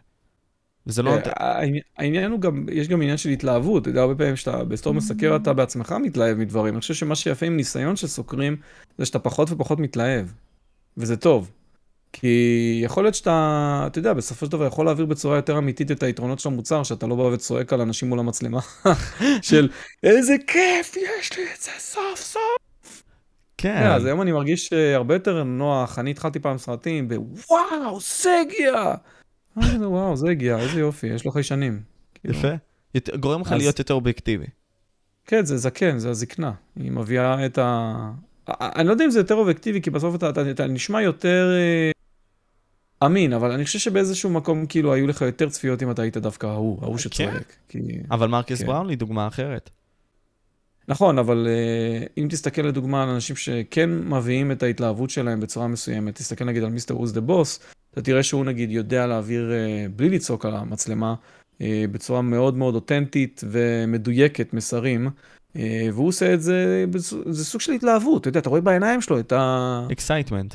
אני מרגיש שאני עייף, כאילו, לאחרונה, אתה יודע, אני באמת עייף, אבל um, הוא מצליח להעלים את העייפות הזאת, שאני בטוח שיש לו, אני בטוח שיש את זה גם למרכז ליינוס, אתה רואה שהוא fake it until you make it בקטע היסטרי, כי פעם בכמה חודשים הוא מעלה לך סרטון שהוא בוכה וכאילו בא לו למות. ואנבוקס תרפי, כאילו, תסתכל בסרטים שלו, הסרטים האחרונים שלו זה כאילו מישהו מצמיד לו אקדח לראש, באמת, כאילו... אבל זה בא מה... שהוא עשה על הסוללה הניידת, כאילו כן. הוא היה נראה כאילו הוא רק רוצה שתיקח אותו ותסגור לו את העסק, באמת. אבל זה בא מה grind הזה, ואתה מבין, החיכוך הזה שמוביל ל overheating, כמו בכל דבר אוקיי. אחר. עכשיו, העניין הזה שאתה בא ומעביר וזה, וזה כבר יותר מדי חם. ואני רואה את זה אצלך, אתה לקחת ולוקח כל כך הרבה פרויקטים. דפר 90, אני זוכר שראיתי פרסומות שלך עוד אז בתקופה yeah. הזאת. אמ, הערוצים השונים שלך. שזה הכסף, אגב. אתה רואה? זה הכסף, כי, כי משם הכסף מגיע. זאת אומרת, אתה בא ואתה יכול לבוא ולעשות שם את הכסף היותר גדול. לבוא ולהגיד, אוקיי, אני מומחה למוצר מסוים. אתן לך דוגמה. אני מומחה עכשיו לאחסון אה, מבוסס רשת. אגב, אני לא מאמין שאני מומחה, פשוט כולם קוראים לי מומחה. אנשים מתקשרים אליי לשאול אותי, להתייעץ איתי, שיש אנשים ש, שלמדו את זה ברמה של, אתה יודע, אה, סרטיפיקציות והסמכות, הרבה יותר מומחים ממני. בסוף אני מקבל את הטלפון, כי אני הוצאתי 15 סרטים על התחום. ואז אני בא ואני אומר, אוקיי, אז מה אתה רוצה ממני? מי שמתקשר אליי, מה אתה רוצה ממני? אתה רוצה ממני ייעוץ? אין בעיה, שעה שלי עולה ככה וככה כסף. או שחברה רוצה שאתה תקים לה עכשיו את המערך הזה. אה, אני עשיתי אה, מעל 200 שעות של שידורי סימולטור, והתקשרה אליי חברת תעופה, חברת תעופה שאני אקים סימולטור אצלה. והסכומים שם היו בעשרות אלפי שקלים לפרויקט של, של יום-יומיים. גדל. כאילו, כי אתה, כי אתה המומחה שעשה 300 שעות שידור חי של טיסות. לפלייט סימולטור, וואו, חזק. אז כאילו, אתה יודע, יכול להיות שיש אנשים עם סימולטורים יותר טובים ממני, ויותר אה, מתקדמים, ויותר מבוססים, אבל מי שרואים בסוף ביוטיוב זה אותי. כי אני היחידי שיושב. כל יום ישבתי וטסתי שלוש שעות, שעתיים, שש שעות, כל יום. מי עושה דבר כזה? זה הזיה. נכון, ובעצם, ה... ואנשים שמים לב לזה, וזה עניין מאוד מעניין. ואת הטיסות שלי הקרינו על עזריאלי, על המסך הגדול בעזריאלי. בהשקה של אקסבוקס, תסתכל בסרט השקה של אקסבוקס, שרואים את המטוס טס, אני עשיתי את זה, זה סרטון שלנו, של הקהילה שלי. מטורף. אז כאילו, אנשים רואים אותך, ואתה יודע, בעולם יצירת התוכן, אה, בכל דבר אחר, אפילו אם יש לך אלף, אלפי מנויים, ולא עשרות אלפי, אתה עדיין יש לך ערך. בטיקטוק היום עם אפס מנויים, אחי, לעשות... אה, נכון, אתה נותן לעצמך, כלומר, הקהל נותן לך את הערך. הערך שלך זה מה שאתה מביא גם לשולחן. וביחד כשזה מתאחד, אתה מומחה, ואתה מבין, גם זה נפגש בעולם שלי. נגיד הפודקאסטים, מלא רוצים לעשות עכשיו פודקאסטים, המיינסטרים. אני ממלא נכון. להם את החלל, כי יש לי מעל 150 שעות נטו על יצירת תוכן של פודקאסטים. עכשיו, גם יש לי ניסיון בניהול פן, אז אני ממלא להם את הדבר הזה, ותוך כדי נפגש עם אנשים שלא הייתי חושב לפגוש איתם. נגיד, אתה אמרת עכשיו את זה. זה, זה עניין של... להביא את מה שאתה יודע, את ההתמחות שלך, את הלב שלך, ששמת כל כך הרבה שעות, ולהביא את זה לידי יישום, ולא לבזבז את עצמך סתם בעולם הזה. לגמרי. אני חושב, שה... אני חושב שברגע שאתה הולך עם עצמך, עם מה שאתה אוהב, ואתה עושה איזושהי תוכנית עבודה, כי זה מאוד חשוב, הרבה אנשים הולכים לאיבוד אה, בתעשייה הזאת של אה, נגיד סקירות, לעשות סקירות וכאלו, כי אתה באמת צריך לשבת עם משהו מסודר שאתה לא הולך לאיבוד בו. ואתה יודע מה, אני אצא החוצה מסקירות רגע ונדבר באופן כללי על יוצרי תוכן. כל תוכן שאתה רק מייצר, אם יש לך את השיטת עבודה, אתה, אתה תרגיש יותר טוב עם מה שאתה עושה, במיוחד אם אתה עוסק בקור שלך. כי בסופו של דבר אתה יכול להגיד, שמע, אני לא יכול לעבוד עכשיו על סרט שלושה שבועות, זה לא הגיוני, אני לא יכול. כי יש כמה דברים שאני אוהב ואני רוצה לעשות עליהם סרטים, אז אני אגביל את עצמי, אני אבנה תוכנית עבודה שיום הצילום שלי הוא יום אחד ולא עשרה ימים, ואני אעבוד עם איזושהי שיטתיות מסודרת, שאני יכול בסופו של דבר באמת להתעסק עם מה שאני אוהב, בצורה אה, שהיא מדידה. רוב האנשים מאבדים את היכולת למדוד את עצמם, כי הם, אתה יודע, פותחים את ה Premiere, פותחים את המצלמות שלהם, ו- וזה, ו- וזה תהליכים של שעות על גבי שעות. היום הייתה לי שיחת טלפון עם זה שהתקשר אה, לפני שנייה, שבאמת הבן אדם אומר לי, אוקיי, תקשיב, אנחנו החלטנו שאנחנו רוצים אה, אה, שאתה תעזור לנו להפיק אצלנו בחברה, בשביל החברה שלנו, 15 סרטים. ואז אני בא ואני אומר לבן אדם הזה, תקשיב, אני לא יכול להפיק לך 15 סרטים, אני פשוט לא יכול. פשוט לא יכול. אבל זה עניין, זה אומר שאני אצטרך לה, לעבוד מאות שעות, כאילו, זה לא הגיוני שאני אעשה את זה, אני פשוט אסגור את הערוץ שלי, אתה מבין? זה חשוב, כלומר, גם משחר היסטוריה. מה שגרם לנו, בני אדם, להיות חכמים זה להבין ולהגיד את המילה לא. כי אז אתה מבין מה yeah. כן. כן. וכשאתה עושה את זה, ואם אנחנו נלך עכשיו לתקופה עוד של הרבה מאוד זמן לפני, לפני אלפי שנים, אנשים בעידן הקדמון, מה שהביא אותם לחוכמה, תבונה, זה להבין שבני האדם הם לא חיות, שלהבין שעצים זה לא צמחים, להבין בעצם מה לא בשביל להבין מה כן.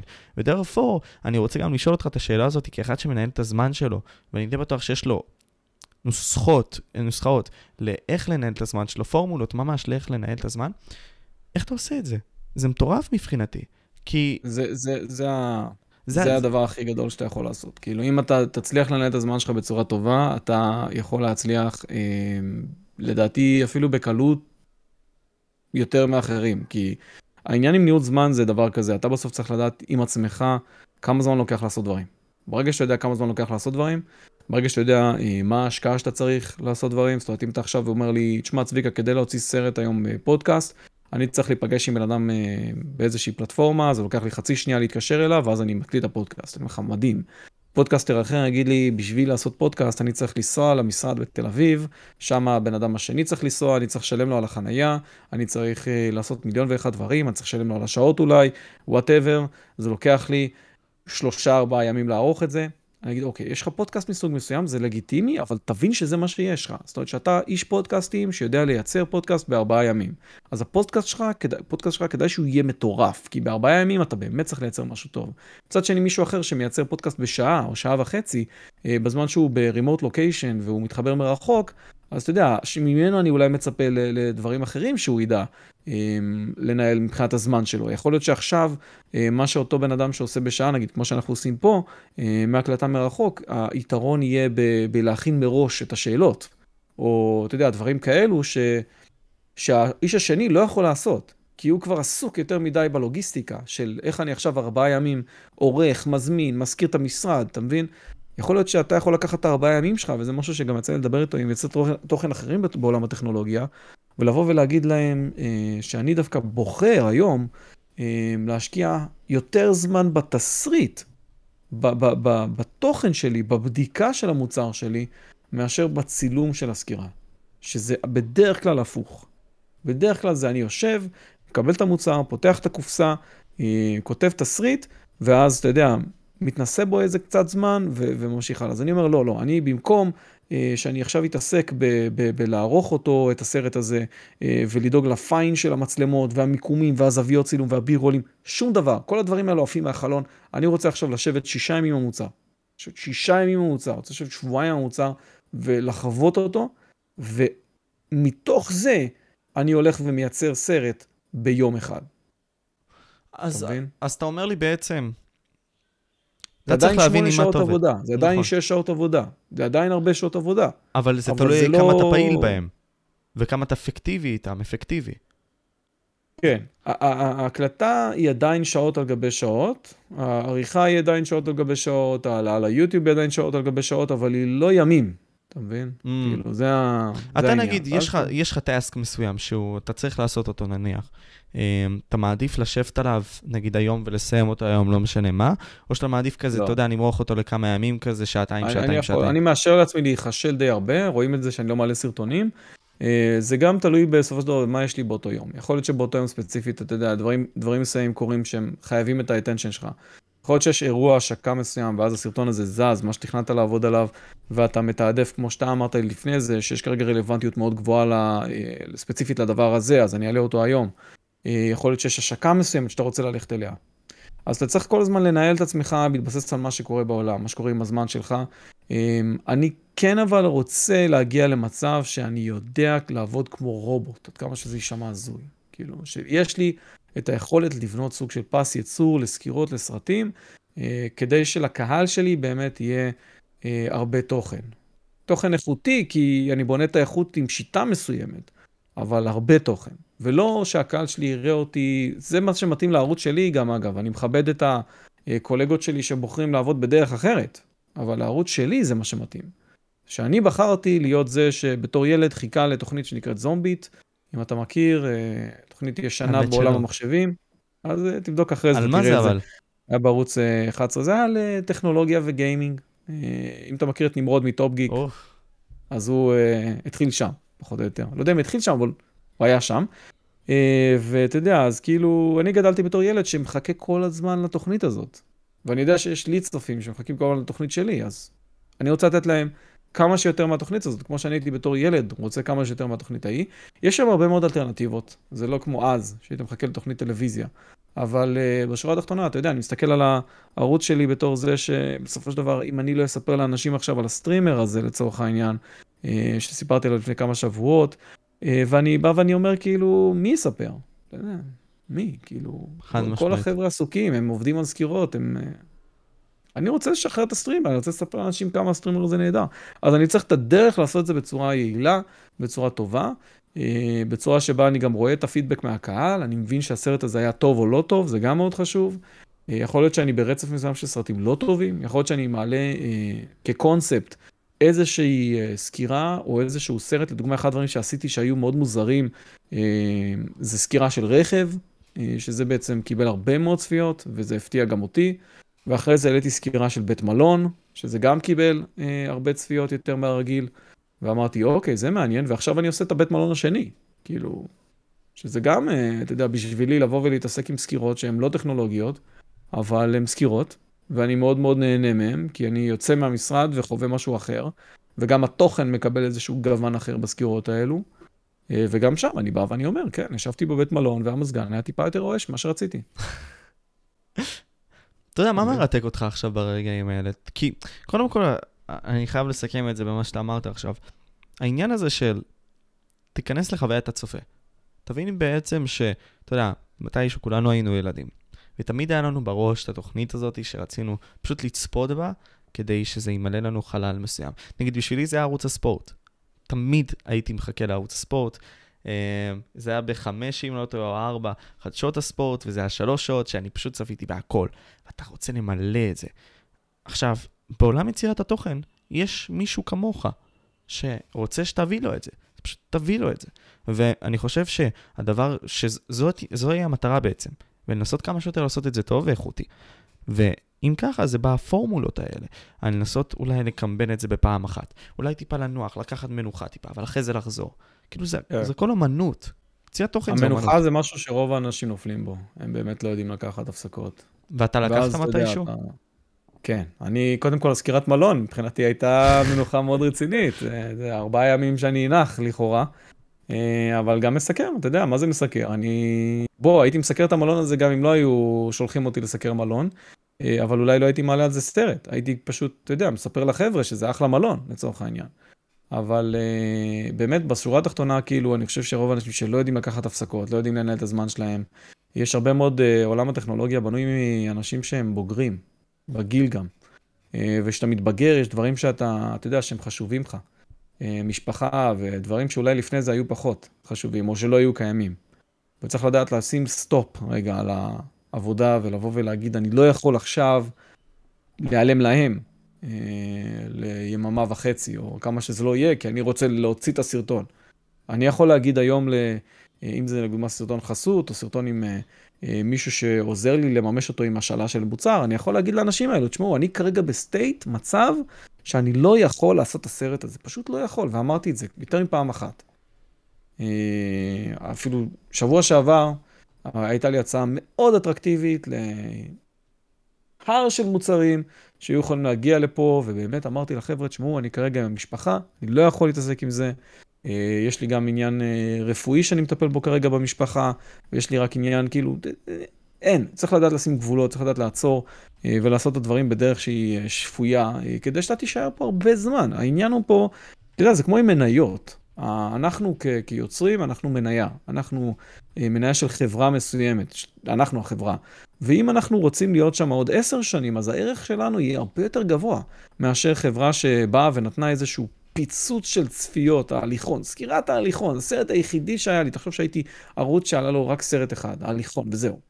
אז, אז אתה יודע, לא, אני לא רוצה להיות הערוץ הזה שהיה לו רק סרט אחד, אני רוצה להיות הערוץ הזה ש, שיכול לבוא, אני אמרתי בטלפון למישהו, שבחר לא לעבוד איתי. אני אמרתי לו, רק שים לב, שעוד עשר שנים אני הולך לעשות סקירות. ואתה לא רצית לעבוד איתי היום. וואו. אתה מבין? וזה היופי. אז שתדע, כאילו. אתה מבין? אז ה compound effect הזה, שהוא עכשיו מבין שעוד עשר שנים יכול להיות שהוא רואה בך כהצלחה, עוד עשר שנים, אתה לא, אתה, אולי 50 אלף עוקבים, זה לא מוצלח מספיק עכשיו בשבילו. Mm. אבל עוד עשר שנים, כשכל הקולגות שלך יפרשו כי או שהם יצאו לפנסיה, או שהם עברו למשהו אחר, או שנמאס להם, אני נתתי לו הבטחה שאני עדיין אהיה שם. והוא לא עובד איתי עכשיו. אז מה, מה, מה אתה חושב? שעוד עשר שנים שאני אהיה היחיד, או שאני אהיה יותר גדול פי שתיים, פי שלוש, ווטאבר. אני, אני כנראה, אני כנראה לא ארצה לעבוד איתו. חד משמעית. אתה מבין? אז, אז, אז, אז יש איזשהו משהו מעניין בזה שאתה נותן לעצמך חופש ומבין שאתה שם לטווח הארוך, ומבין שאם מישהו מסוים אה, לא אוהב אותך וזה בסדר, או לא עובד איתך, אה, אז יכול להיות שיעבוד איתך עוד כמה שנים טובות. אם אתה יכול להיות שם עוד כמה שנים, רק תדאג שאתה תהיה שם עוד כמה שנים. ולכל היוטיוברים שכל הזמן אה, פורשים וחוזרים ופורשים וחוזרים, אני אומר דבר כזה, תנסו פשוט, זה קל להגיד, קשה לעשות, אבל תנסו באמת לשבת עם עצמכם ולבנות תוכנית הוליסטית של איך אתם בפלטפורמה הזאת, בצורה שמשאירה אתכם בפלטפורמה. ואתם לא צריכים כל פעם לפרוש ולחזור, כי, כי הפרישה והחזרה הזאת, אולי זה אייטם בפני עצמו, כן? אולי זה מה שמביא לך צפיות. ואז אתה ערוץ שמקבל צפיות מזה שאתה פורש וחוזר כל הזמן. אבל כאילו, באיזשהו מקום אני בטוח שלכם זה לא כיף לפרוש ולחזור כל הזמן. נכון. כי זה נכון. סוג של בלבלה כזאת, שמי אוהב להיות בה? זה אי ודאות, ואנחנו כבני אדם, רוב האנשים לא אוהבים אי ודאות. ואתה יודע מה היופי בדברים שאתה אומר, אפשרי לקחת את זה לכל תחום בחיים. ומה ש... אתה יודע, במוח שלי כל, כל יום עובר, זה כמה אתה יכול לקחת את אותה מצירת התוכן לכל דבר אחר, ולנסות לקחת מודלים משם. דרפור, נגיד סתם אמרת לי, פורש וחוזר, תנסה לראות שחקנים, שחקני ספורט עושים את זה. מי יעשה את זה? אתה מבין? זה לא רציני. כן. קבוצה לא תרצה אותך. והעניין הוא שהוא לנסות להבין את המודל שהופך את האנשים שמצליחים עכשיו בעולם למי שהם. ואתה יכול לקחת את זה לכל דבר, בין אם זה longevity. כלומר, כמה בן אדם ותוחלת הזמן שלו במקצוע מסוים, איך הוא עושה את זה, מה מחזיק אותו. כלומר, בימים הרעים האלה שפאק, אתה פשוט מרגיש שלא בא לך. נגיד, קרה לך בטח ימים כאלה שאפילו כן. שאתה אוהב את זה, לא בא לך, כי זה יותר יש לי מדי. סרטים שאני, סקירות שאני התחלתי, ובסקירה בהתחלה אני אומר כזה, אני לא מרגיש טוב, חבר'ה, תסלחו לי. אתה מבין? התחלתי את הסקירה בזה שאני אומר, חבר'ה, אני חולה, גמור, לא מרגיש טוב, אבל אני רוצה לספר לכם על האוזניות האלו. כי the man is gonna do what the man is gonna do. ואתה מבין, זה גם עניין של מי שמצליח לעבור כמה שיותר סטרס, וזה מאוד קשוח, אבל מי שמצליח לעבור את הלחץ הזה שהחיים מפעילים עליו, והוא יוצא מזה משהו חזק יותר, הוא יהיה בן אדם יותר טוב. כן. אגב, זה גם לגיטימי, אני חושב, לפרוש. כאילו, בסופו של דבר, אני חושב שזה לגיטימי לבוא ולהגיד, הגעתי לנקודה הזאת בקריירה, שהבנתי שהדבר הזה שאני עושה, הוא כאילו, גדלתי ממנו. אני כבר לא, או, ש, או שהלכתי הצידה, או, ש, או שיש דברים אחרים שאני אוהב. אני חושב שמה שמשאיר אותנו כמסקרים הרבה שנים במקצוע, מה שלא קורה בדרך כלל ביוטיוב, אה, זה שהעבודה שלנו היא הרבה פעמים היא לא עלינו. זאת אומרת, אנחנו עובדים בשביל המוצרים האלו, בשביל ה... חברות שאתה יודע, הן עובדות קשה, ואנחנו באים ומספרים לעולם על זה. והרבה אנשים שאלו אותי, היי צביקה, אתה, יש לך היסטוריה עם תכנות, עם פיתוח תוכנה, ו- ושם היית יכול להרוויח הרבה יותר ממה שאתה מרוויח היום. למה שלא תלך תעבוד באחת מהחברות האלו? כי יש לך מספיק היום ניסיון כדי להיכנס לכל אחת מהחברות שאתה עובד בהן, שאתה עובד איתן, בחסויות, בפעילויות. אה, וזו שאלה טובה, כי אז אתה יודע, אתה יכול להפסיק להיות יוטיובר ולהיות פשוט עובד באחת החברות הטכנולוגיה האלו. ואני מכיר קולגות שעשו את זה, שהתחילו לעבוד בחברה שעבדה אצלם uh, כמוצר, ועכשיו עובדים. שם, וזה נהדר, אני חושב שזה בסדר, אני חושב שהם, אתה יודע, התקד... החיים הובילו אותם לאנשהו, והיום יכול להיות שהם כלפי עצמם, הם במקום יותר טוב. מה קרה לקהל שלהם, מה, מה קרה לערוץ שלהם, המשיכו הלאה. זה, אתה יודע, אנחנו ב cycle of life, כאילו, אין, אין, אין שום דבר שהוא... אה, קייסי נייסטאט העלה לא מזמן אה, סרטון אחרי שהוא החליט לחזור בפעם המיליון, ועכשיו הוא חזר עם סרטון אה, שנקרא אה, הדבר הכי חשוב שעשיתי אי פעם. ישר לחצתי על זה יחד עם כל העולם ואשתו, כדי לראות שקייסי נייסטאט התחיל למכור קורסים של איך לעשות vlogים. אתה מבין? וזה כל הסרט, על קורס שהוא מוכר על איך לעשות vlogים. ואתה אומר כאילו בחייאת קייסי, עשית הפסקה של, אה, כמה זה, שנה וחצי מסרטים בשביל לעלות סרט אחד שאתה צריך בו כסף, ואתה בעצם מבקש את הכסף על, על, על, על, על שיטה שגם אתה, אתה לא שרדת אותה, כ vlogger, כאילו, אתה לא הצלחת. זאת אומרת, אתה הפסקת את זה, אתה הצלחת, אבל הפסקת. ויותר מזה, יכול להיות שגם ולוגינג לא רלוונטי, יש כאלו שאומרים שוולוגינג זה משהו מת, כי, אתה יודע, הסרטוני טיק טוק, והשורטים, והרילס, זה כאילו עכשיו מה שעובד. אף אחד לא רוצה לשבת לראות עכשיו את הוולוג שלך, על החוויה שלך, על הטיסה שלך באפריקה. הם רוצים לראות 15 שניות שלך נאכל על ידי נמר. זה יותר מעניין. זה יקבל הרבה יותר צפיות. אנשים רוצים, אתה יודע, וזה משהו שגם דיברתי עכשיו עם פרופסורים לסוציולוגיה. עכשיו זה נושא לגמרי אחר. אבל אנשים נעשים יותר מעובדים. מה, מה הכוונה שלי? בגלל שאנחנו חיים בחברה שבה אתה צריך להיות ממוקצע במשהו, כלומר, במקצוע אתה צריך להיות הכי טוב בו, בין הטובים בו. אנחנו מאבדים את הפיין ליין, כלומר, את הקו הזה שבונה אותנו, את הגבול הזה של האם למקסם את עצמנו עד הסוף, או האם לחיות חיים תמימים גם עם משפחה וכל מיני כאלה.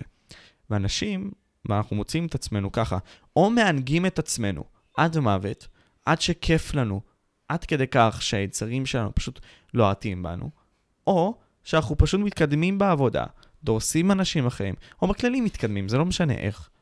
ואנחנו לא מעריכים את הדברים האלה. אז פעם ולוגים, כשזה היה עוד הדבר, בימים האלה שהיינו צופים בקייסי, והוא היה גדול, והיו עוד הרבה מאוד ולוגרים כאלה. היה גם פרנקים מצחיקים.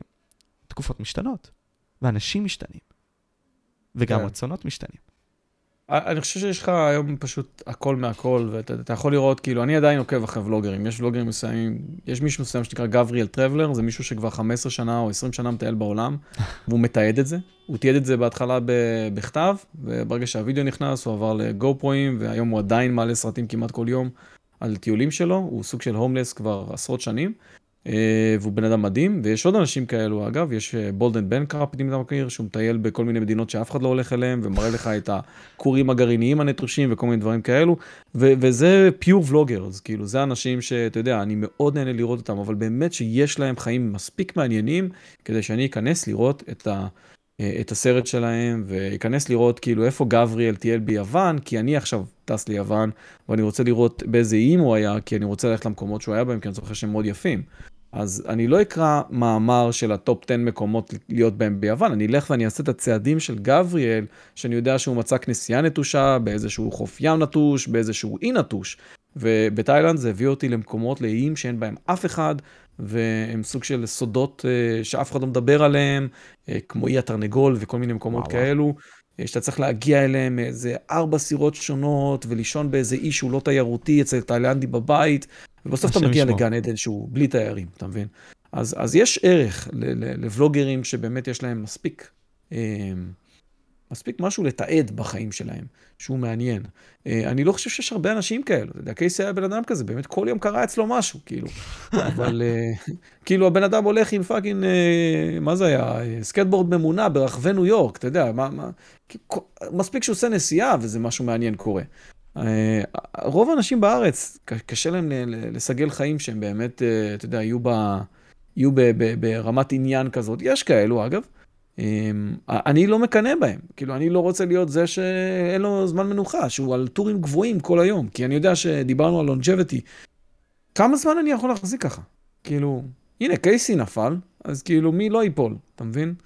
אני, אני פשוט אומר, כאילו, אם אתם יכולים להסתכל על עצמכם ולהגיד... Uh, איך במקצוע הזה אפשר להישאר עשר שנים ועדיין להישאר שפוי, זה, זה, זה התוכנית עבודה שלכם. תנסו לבנות את זה, וזה נהדר. עבודת מחקר. מה שאתה עושה עם הפודקאסטים, אגב, כאילו, הוא בול משהו שמאפשר לעבוד לאורך זמן ולהיות ענק. לאורך זמן. לגדול, אתה יודע, לאורך זמן, ולא לבוא ולעשות... Uh, אתה יכול לבוא ולעשות בומים עם uh, פודקאסט כזה או אחר של מישהו מאוד מפורסם, ואתה יודע, לקבל פתאום טון צפיות, ומתוך זה איקס אחוז יהיו מנויים, וזה נהדר.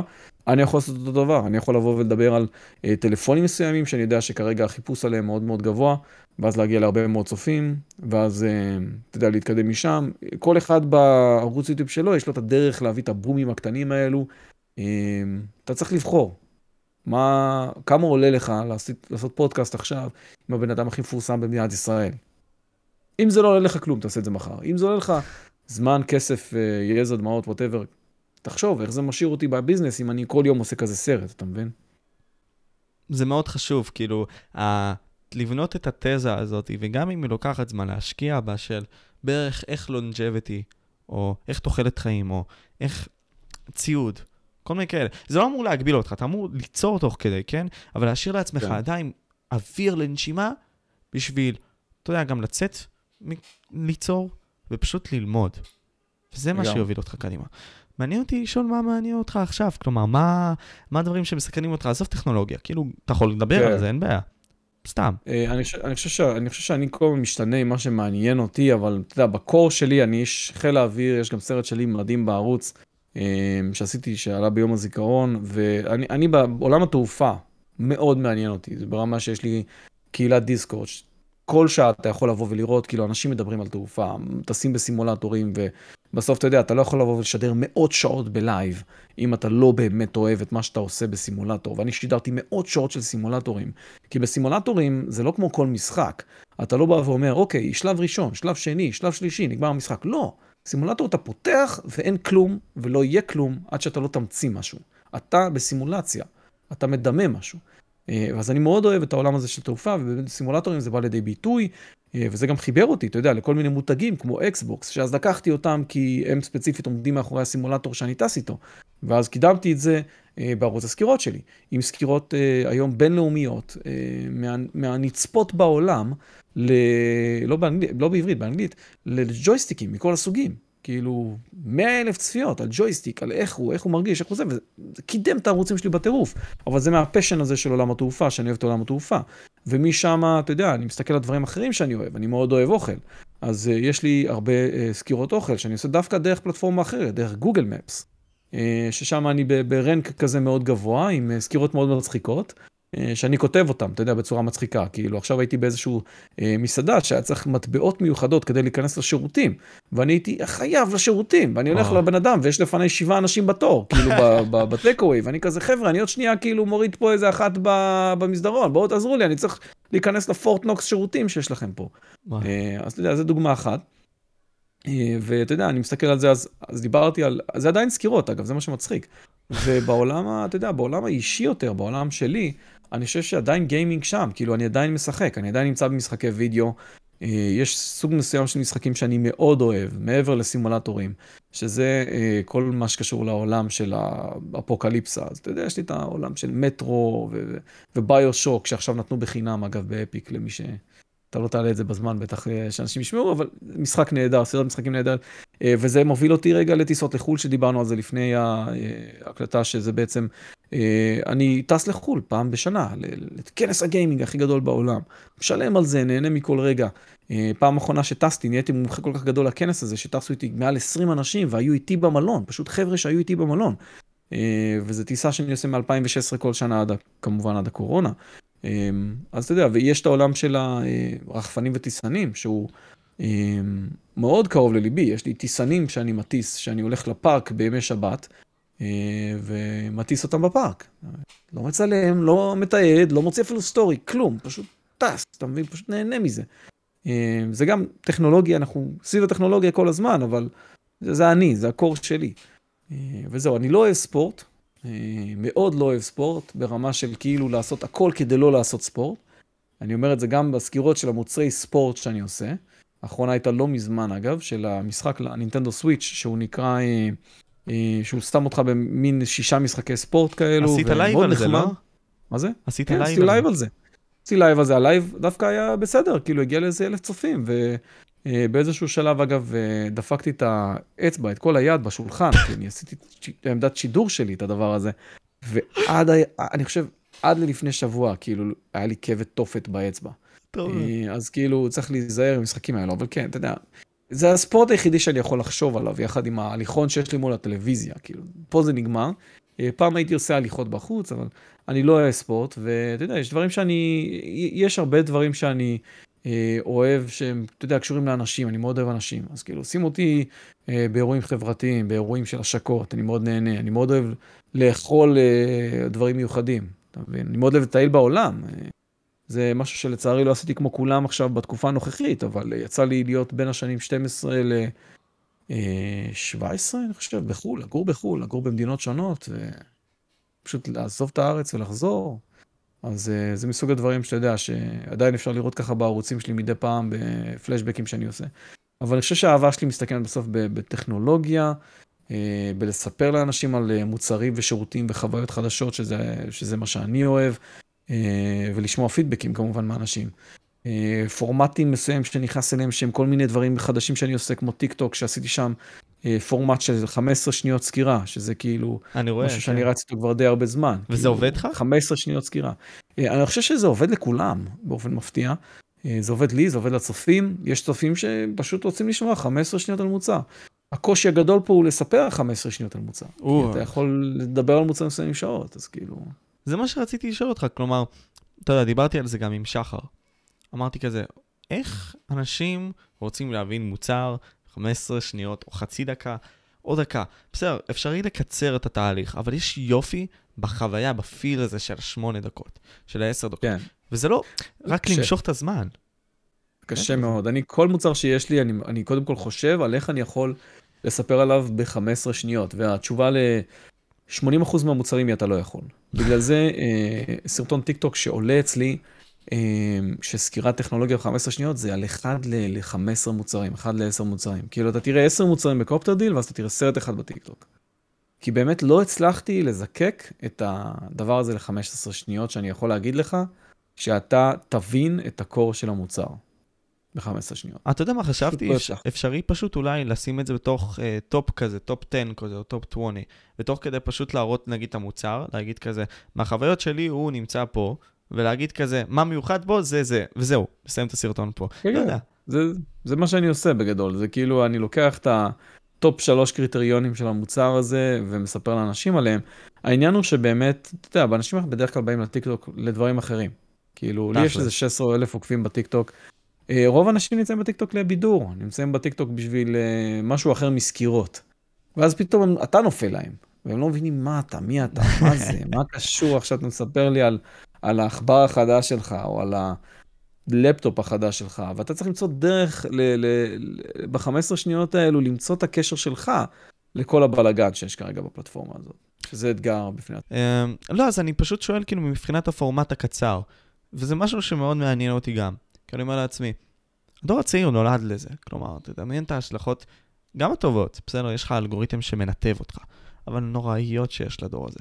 כי היצר מוביל אותם, כלומר, אם אני עכשיו רוצה משהו, אני אקבל ממנו הכל, הכל, כל הזמן.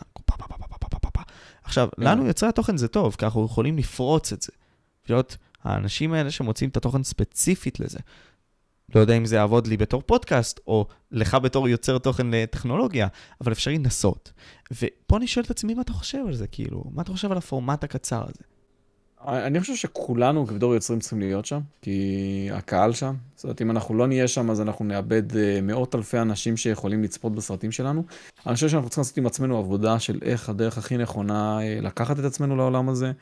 אה, האם זה הרסני או לא, אני חושב שאנחנו בכיוון הרסני בכל מקרה. גם אם זה 15 שניות טיק טוק, או מישהו, מפעל אחר שמזהם את הים, או... או אנשים שרבים אחד עם השני רק בגלל שהם שמו תוויות על הבן אדם האחר, עוד לפני שהם אמרו לו שלום מה נשמע ובוא נלך לאכול אה, צהריים ביחד. אז אתה יודע, כאילו, הרסני או לא, אני, אני, אני אופטימי בגישה שלי לחיים, אז אה, ההרסני, אני כן, אני כן מאמין ש, שבסופו של דבר אנחנו כאנשים, כל אחד כלפי עצמו, צריך לראות איך הוא עושה את העולם טיפה טוב יותר. אז אתה יודע, זו הגישה שלי. אם אתה בוחר לעשות את העולם פחות טוב, אז fuck you. כאילו, חבר שלי אתה לא תהיה. אבל, אה, אז כאילו, אתה יודע, יש את הדבר הזה, זה הראייה שלי לחיים באופן כללי. עכשיו, לגבי ה short form והסרטים ב-15 שניות, התהליך עבודה שלי הוא באמת כאילו לבוא ולבדוק אם יש דרך ריאלית, נגיד בעולם של הסקירות, לעשות תוכן איכותי ב-15 שניות, או ב-60 שניות, או בוורטיקל אגב. יכול להיות שזה לא שורט פורם, יכול להיות שזה שבע דקות בטיקטוק, שאגב, יש היום סרטים כאלו שהם אה, ורטיקליים, שזה פשוט סרט שבע דקות שהוא כאילו ורטיקלי. אה, אז אתה צריך לבחור עם עצמך רגע, אם באמת יש, יש לך דרך לעשות כזה סרטים, ואם אם התשובה לשאלה הזאת היא כן, שווה לנסות.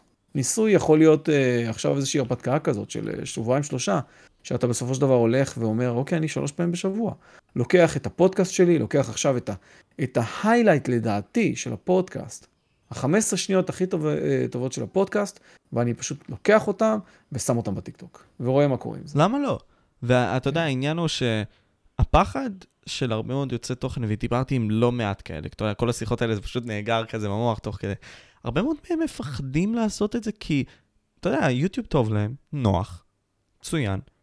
למה לי לעבור לפלטפורמה אחרת? או אתה יודע מה, המחשבה הזאת האם למחזר את התוכן או לא למחזר את התוכן? אתה יודע, למה שאני אעלה את התכנים ביוטיוב שהם אותו דבר לטיק טוק? מה? כן. אני לא חושב שזה לעבור אם אתה מעלה לשניהם, זה שכפל. והאם זה מחזור? אני גם לא חושב שזה מחזור, כי יכול להיות שהקהל טיק טוק, וזה כנראה המצב, הוא פשוט קהל אחר. ואז כאילו, זה קהל שלא ראה אותך, זה קהל שלא הגיע אליך, זה קהל שלא יגיע אליך גם אולי.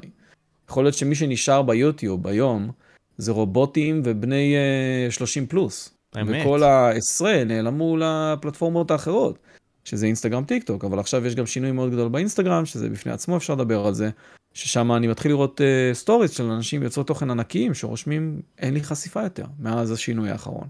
וואו. אז אתה יודע, כל פלטפורמה כזאת יש לה איזשהו doomsday scenario. והשאלה היא אם אתה רוצה להיות חלק מהדומסדיי סנאריו של הפלטפורמה היחידה שאתה מסתמך עליה. כי יכול להיות שמחר בבוקר יוטיוב, שהוא גם ככה בירידה מטורפת, אה, והעליתי על זה כמה סרטים, אה, יכול להיות שהירידה המטורפת תהיה ירידה מטורפת כפול 10, ואתה, וזה לא יהיה לך נוח להיות שם. נכון.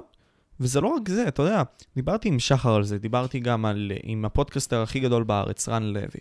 הוא אמר לי דבר כזה, תקשיב, משה, התוכן, קודם כל, יוטיוב יכולה לסגור את השלטר בכל רגע, זה חשוב להבין את זה. כלומר, אם אתה עכשיו מייצר את התוכן, אתה יכול למות. כלומר, וכל התכנים שלך הלכו. כאילו, זה כמו, זה כמו מה שדיברנו לפני זה עם האחסון, הוא יכול ללכת לך, וזהו. אז פשוט diversify, ושחר אמר לי בצורה הכי טובה שיש, צביקה עושה את זה הכי טוב, מבחינת יוצרי תוכן הטכנולוגיה. צביקה עושה את זה הכי טוב, ולדעתי אני מאוד מסכים איתך, כי אתה גם באנגלית, גם בעברית, וגם מנסה להעלות את זה באינסטגרם, גם בטיק טוק. עכשיו, אתה מנסה את זה בצורה טובה. האמנם, תודה רבה, אחי. מי אמר, כאילו, אה, אתה מבין שאתה אולי יכול לעלות לעוד פלטפורמות. כן, ברור. אה, יש לי עוד הרבה מה להשתפר, אני חושב שגם אני כאילו באיזשהו מקום אה, בסוף לומד מאחרים, כי אתה יודע, אני מסתכל על אחרים ואני אומר, אוקיי, הוא עושה את זה יותר טוב ממני. אה, אני חושב שזה מתחיל ונגמר בזה שאתה יודע, אה, זה פשוט, זה פשוט עבודה מסודרת. כאילו, העולם הזה של הקריאטיביות, של להיות אה, יוצר תוכן שהוא יצירתי, הוא עולם מאוד קשוח לאנשים שאתה יודע, עכשיו אין להם את המוזה, ואין להם את המוד, ואין להם את ה... את האנרגיה, אז אתה צריך לראות איך אתה יכול, יכול להיות עם אנרגיה כל הזמן. אתה צריך לראות איך אתה יכול להיות עם שיטה, עם שיטתיות. אתה צריך להיות... אם אתה פותר את העניין הזה, אתה יכול להיות בטיקטוק, אתה יכול להיות באנגלית. אני עשיתי סרטים בערבית, אחי. אז יש לי סרטים בערבית, סרטים בעברית, סרטים באנגלית, והסרט שלי בערבית הגיע לאיזה 40 אלף צפיות. ואתה יודע, בסופו של דבר זה סקירה, סקירה לאופניים, עלתה בערבית ונהדרת. אה, והשורה התחתונה היא כאילו, איך אתה יכול, איך אתה יכול להכניס את זה לתוך מה שאתה עושה, לתוך, לתוך הדברים שאתה אוהב לעשות, אה, בצורה שמאפשרת לך אה, עדיין להישאר שפוי, כאילו, זה, זה הכל מתחיל ונגמר בזה. טיק טוק הוא, הוא שונה, אתה לא בהכרח תערוך עם תוכנת עריכה מתקדמת. רוב הסרטים שאני עורך הם עם, עם הטיק טוק עצמו, וזה סרטים שמגיעים, הסרט האחרון שלי הגיע לאיזה 30 אלף צפיות על המוצר הכי לא מתאים לטיק טוק ever, כאילו, 30 אלף צפיות לאחסון מבוסס רשת. מי היה מאמין? אתה אומר 30 אלף צפיות על אה, אייפון, אני יכול להבין. 30 אלף צפיות על, אה, אה, אתה יודע, כל מותג אחר, סמסונג, זה. כן. וזה על אחסון מבוסס רשת. על איך אני שם באחסון מבוסס רשת עכשיו את הכוננים, איך אני מקבל מזה קיבולת גבוהה, ו-15 שניות כמובן על הדבר הזה, 30 אלף צפיות, מעל 30 אלף צפיות, עשרות שיתופים, אה, מאות תגובות ולייקים. הנה, דוגמה למשהו שאף אחד לא היה מאמין שהיה עובד בטיקטוק. עובד. עכשיו השאלה היא באמת איך, איך לקחת כל אחד מהערוצים ולהתאים, כל אחד מהיוצרי תוכן ולהתאים את התהליך היצירתי שלו לפלטפורמה הזאת. ואם אתה מצאת את הנוסחה, אז אתה יכול להמשיך, אתה יכול להתמיד. שוב, הסתכלות היא באמת טווח ארוך, אני אהיה שם עוד עשר שנים, אני אהיה שם עוד עשר שנים. נכון. כי אם אתה לא תהיה שם עוד עשר שנים, בשביל מה אתה עובד? תכלס. נגיד, זה כמו עם העניין ש... אתה יודע מה, אני אוהב לעשות זום אין וזום אאוט בקטע הזה. כלומר, לקבל משני הפרספקטיבות. אתה אומר, נכון לגמרי. תדמיין על העבודה. אתה עכשיו נמצא בעבודה כלשהי, עבודת הייטק. אתה יודע, כל פעם הטכנולוגיה משתפרת, אבל אם אתה לא משתפר עם הטכנולוגיה, אתה נשאר במקום או הולך לאחור, כי אתה עולה, פשוט כולם עולים, אתה מאחור, ואיפה אתה נמצא? עזוב, כן, נגיד ואתה מקבל את השכר שלך לעוד כמה זמן, זה בטוח. אתה מבין? כלומר, או yeah. לחלופין, כמו שאמרנו עכשיו עם ה-diversifying. אני בטלפון שלי, אני לא יודע מה אצלך, נגיד יש לי טיק טוק, יש לי אינסטגרם ויש לי יוטיוב. כל המדיות האחרות אין לי. עכשיו, תדמיינו כמה אנשים יש שהם אותו, או, כמוכם, או הפוך.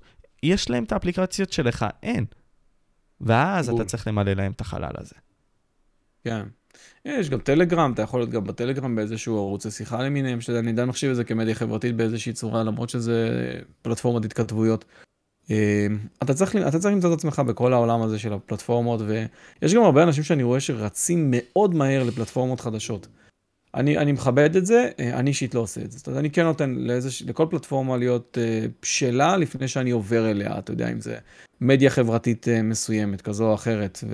ונגיד טוויטר, אני literally קיים שם, אבל לא עושה כלום. בלי עוקבים, לא מקדם את זה וכולי. בזמן שאני יודע שהרבה מאוד אנשים נשבעים בפלטפורמה הזאת, uh, אני הלכתי לפלטפורמות שהרבה אחרים נטשו, אני נמצא מאוד חזק בדיסקורד. Uh, אני מאוד חלש בוואטסאפ, אני יודע שיש יוצרי תוכן שיש להם קבוצות וואטסאפ, אני לא שם בכלל. אה, אני נמצא במקומות של, אתה יודע, של, של הפלטפורמות שאני מרגיש איתן בנוח.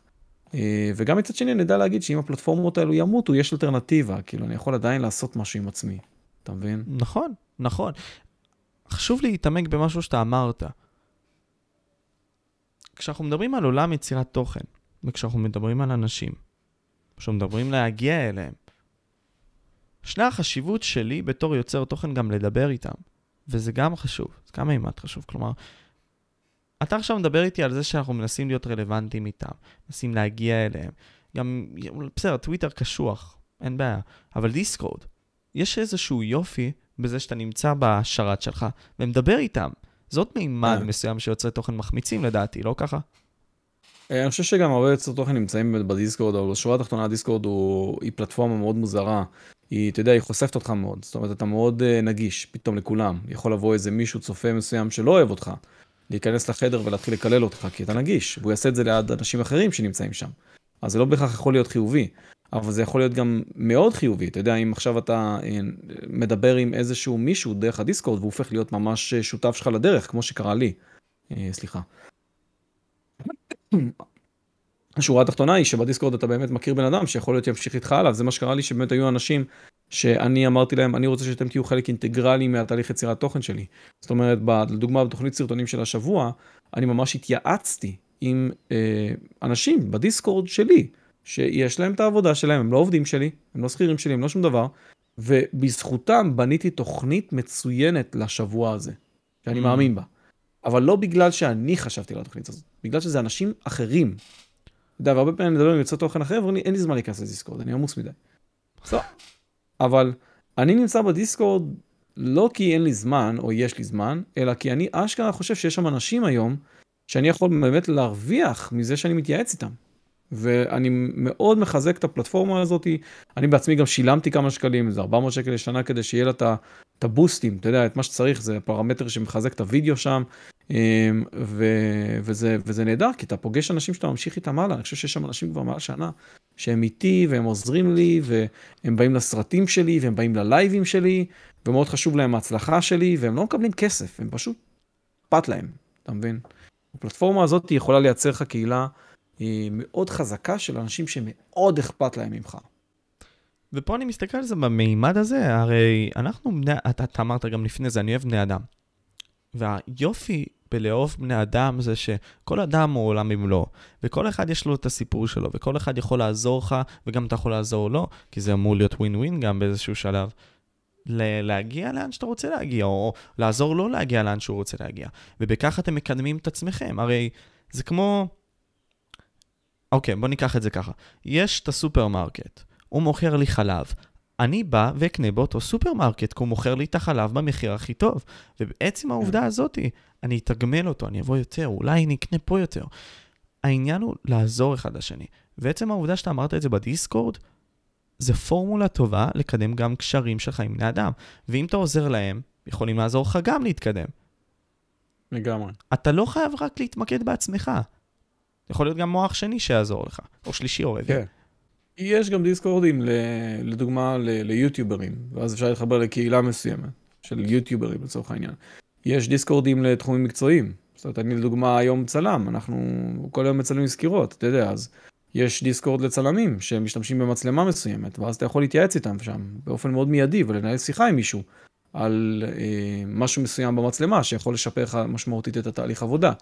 יש, אני יכול להגיע לרמה של סקירת מוצר מסוימת, שאני יכול לבוא ולהיכנס לקהילה של המוצר הזה, או של החברה, ולבוא ולהציג את עצמי בתור מסקר, ולהגיד, אני רוצה לשמוע מכם איך היו החוויות שלכם עם הדבר הזה. וואו. ואז לקבל פידבקים מאיזה 20-30 אנשים, שזה לא, שוב, זה לא ריוויו של עיתונאי, זה אנשים. אנשים שיושבים עם הדבר הזה בבית שלהם, אה, שנה, שנתיים, אתה יודע, ו- ו- ויש להם מספיק ניסיון עם המוצר, והם יודעים, מכירים את החברה, והם יכולים לבוא ולהגיד לך, תשמע, אני אוהב אותו, אבל, אתה מבין? כי לך אין את השנה הזאת, אין את החצי שנה הזאת, אין את החודש, אה, ויש את הבן אדם הזה שיכול להביא לך את ה... במקרה הזה של סקירות, את הערך של מה שהוא הרוויח מזה שהוא היה עם מוצר הזה הרבה זמן. אני מאוד אוהב את זה. Mm, את הפידבק הזה מהקהל גם.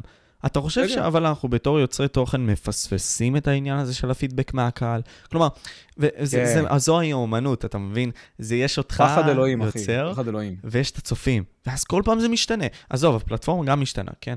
אבל צופה, רואה אותך, יכול להיות שאתה יודע, הוא בן אדם, יכול להיות שהוא לא יאהב לצפה בך יותר.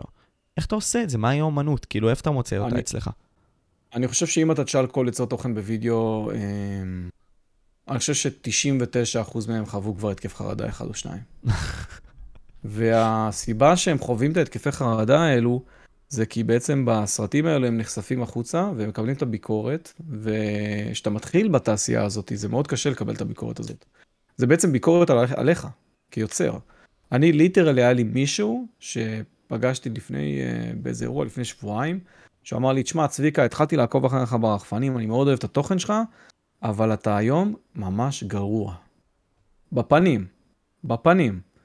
ושאלתי אותו למה. הוא אמר לי, אתה יודע, לא התעצבנתי, לא כלום. למה? אמר לי, כי אתה לא מסקר יותר רחפנים.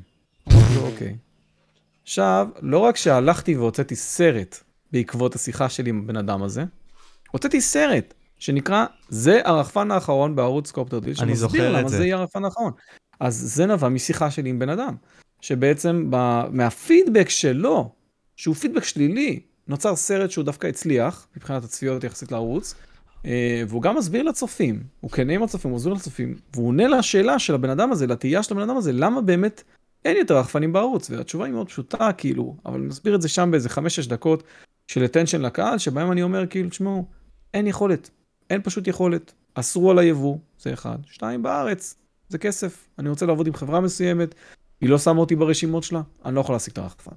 מה אתם רוצים, שאני אשבור לילדים קטנים את הרחפן שלהם, שהם יבואו אליי? אז לא. זה, זה המצב, אה, ו, וזו התשובה לשאלה, ואם זה הסיבה שאתם הלכתם והפסקתם לראות את הסרטים שלי, זה לגיטימי, אבל המציאות זה משהו מחייב, אי אפשר, אה, אי אפשר, אי אפשר לעשות את זה אחרת, כאילו, זה המציאות כן. של הערוץ. אה, ואתה יודע, אני גם עם עצמי כאילו חושב, אתה יודע, ש, שבסופו של דבר, עם הזמן, אתה גם, לא סתם אמרנו להישאר שנים במקצוע, אתה גם יכול להכיל יותר ביקורת, אתה יכול להכיל יותר פידבק כזה. אני היום יכול לשמוע מישהו שאומר לי בפנים דברים, על, על, על מה הוא חושב על הערוץ שלי, על העבודה שלי, ויכול להיות שלפני חמש שנים לא יכולתי. לפני חמש שנים היה לי קשה, אתה. מבין? ואני חושב שיש איזשהו יופי במה שאתה סיפרת עכשיו עם הרחפנים. כי יש ספר מסוים שקראתי, קוראים The Obstacle is the Way, ספר של ריין הולידיי, שאומר פשוט, זה לא אני, כאילו הבן אדם עצמו, הוא חוקר את הפילוסופיה הסטואית. בן אדם מסוים, מלך רומא לפני הרבה מאוד זמן, מרקוס אורליוס בא ואמר, You need to flip the obstacle on its head. The obstacle is the way, ובכללי פשוט אתה צריך לראות את הקושי, זה המחסום שלך, אתה משתמש במחסום הזה בשביל לקדם את הפעולה שלך. והיופי כאן הוא לקחת את הקושי הזה וליצור ממנו משהו חיובי. אוקיי, עכשיו נפלתם בגלל הסקייטבורד הזה? בואו ותצלמו את זה לטיק טוק, נגיד סתם. למה לא? חוויה מצחיקה, אולי מישהו יתפוס את זה.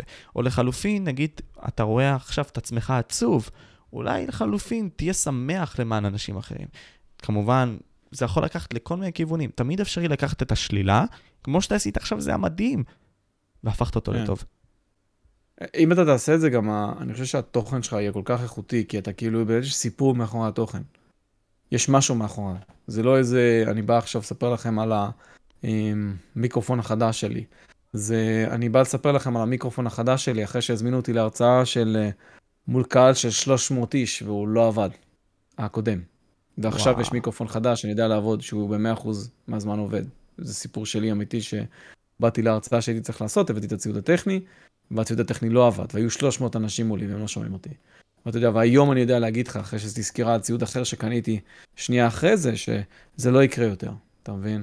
או מצלמה שהפסיקה לצלם, או כל מיני דברים כאלו, שפתאום הסיפור הוא שונה לגמרי. אני חושב שהרבה פעמים בערוץ שלי גם קיבלתי ביקורת על זה, שהכותרת היא, היא, היא אפילו לא clickbait, היא פשוט לא מעבירה את המסר של מה אני מסקר.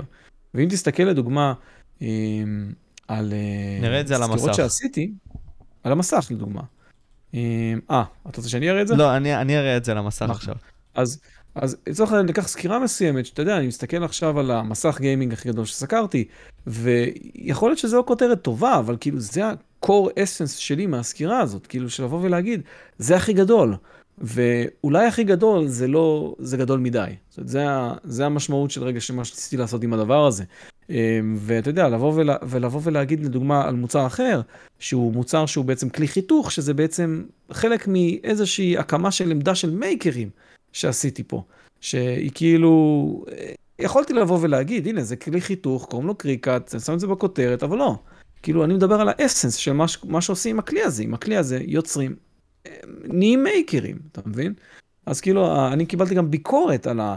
אה, הרבה פעמים על, ה, על הסרטים שלי, שהם כאילו, השם לא בהכרח מסביר את המוצר, כי, כי לי פחות אכפת מהמוצר, אכפת לי מה, מהחוויה שהוא מייצר, אכפת לי מה, אה, מההזדמנות שהוא נותן לך, בזה שיש לך אותו.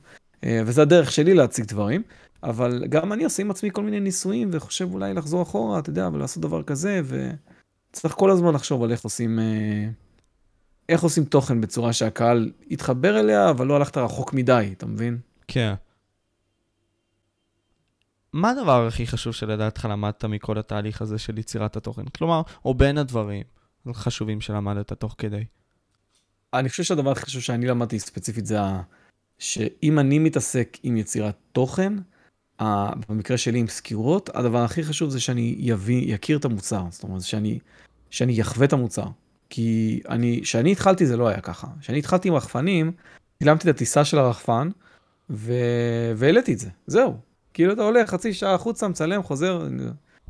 הרעיון של לחוות המוצר נותן לך להפיק סרטים, שאם אתה היית הצופה, היית מקבל מהם הרבה מאוד ערך. וגם, הרבה אנשים גם אמרו לי את זה, שהם רואים סרטים של יוטיוברים טכנולוגיים, כי בדרך כלל יש יוטיוברים טכנולוגיים בינלאומיים, אתה יודע, אתה ציינת בעצמך כמה כאלו, שכולם עוקבים אחריהם.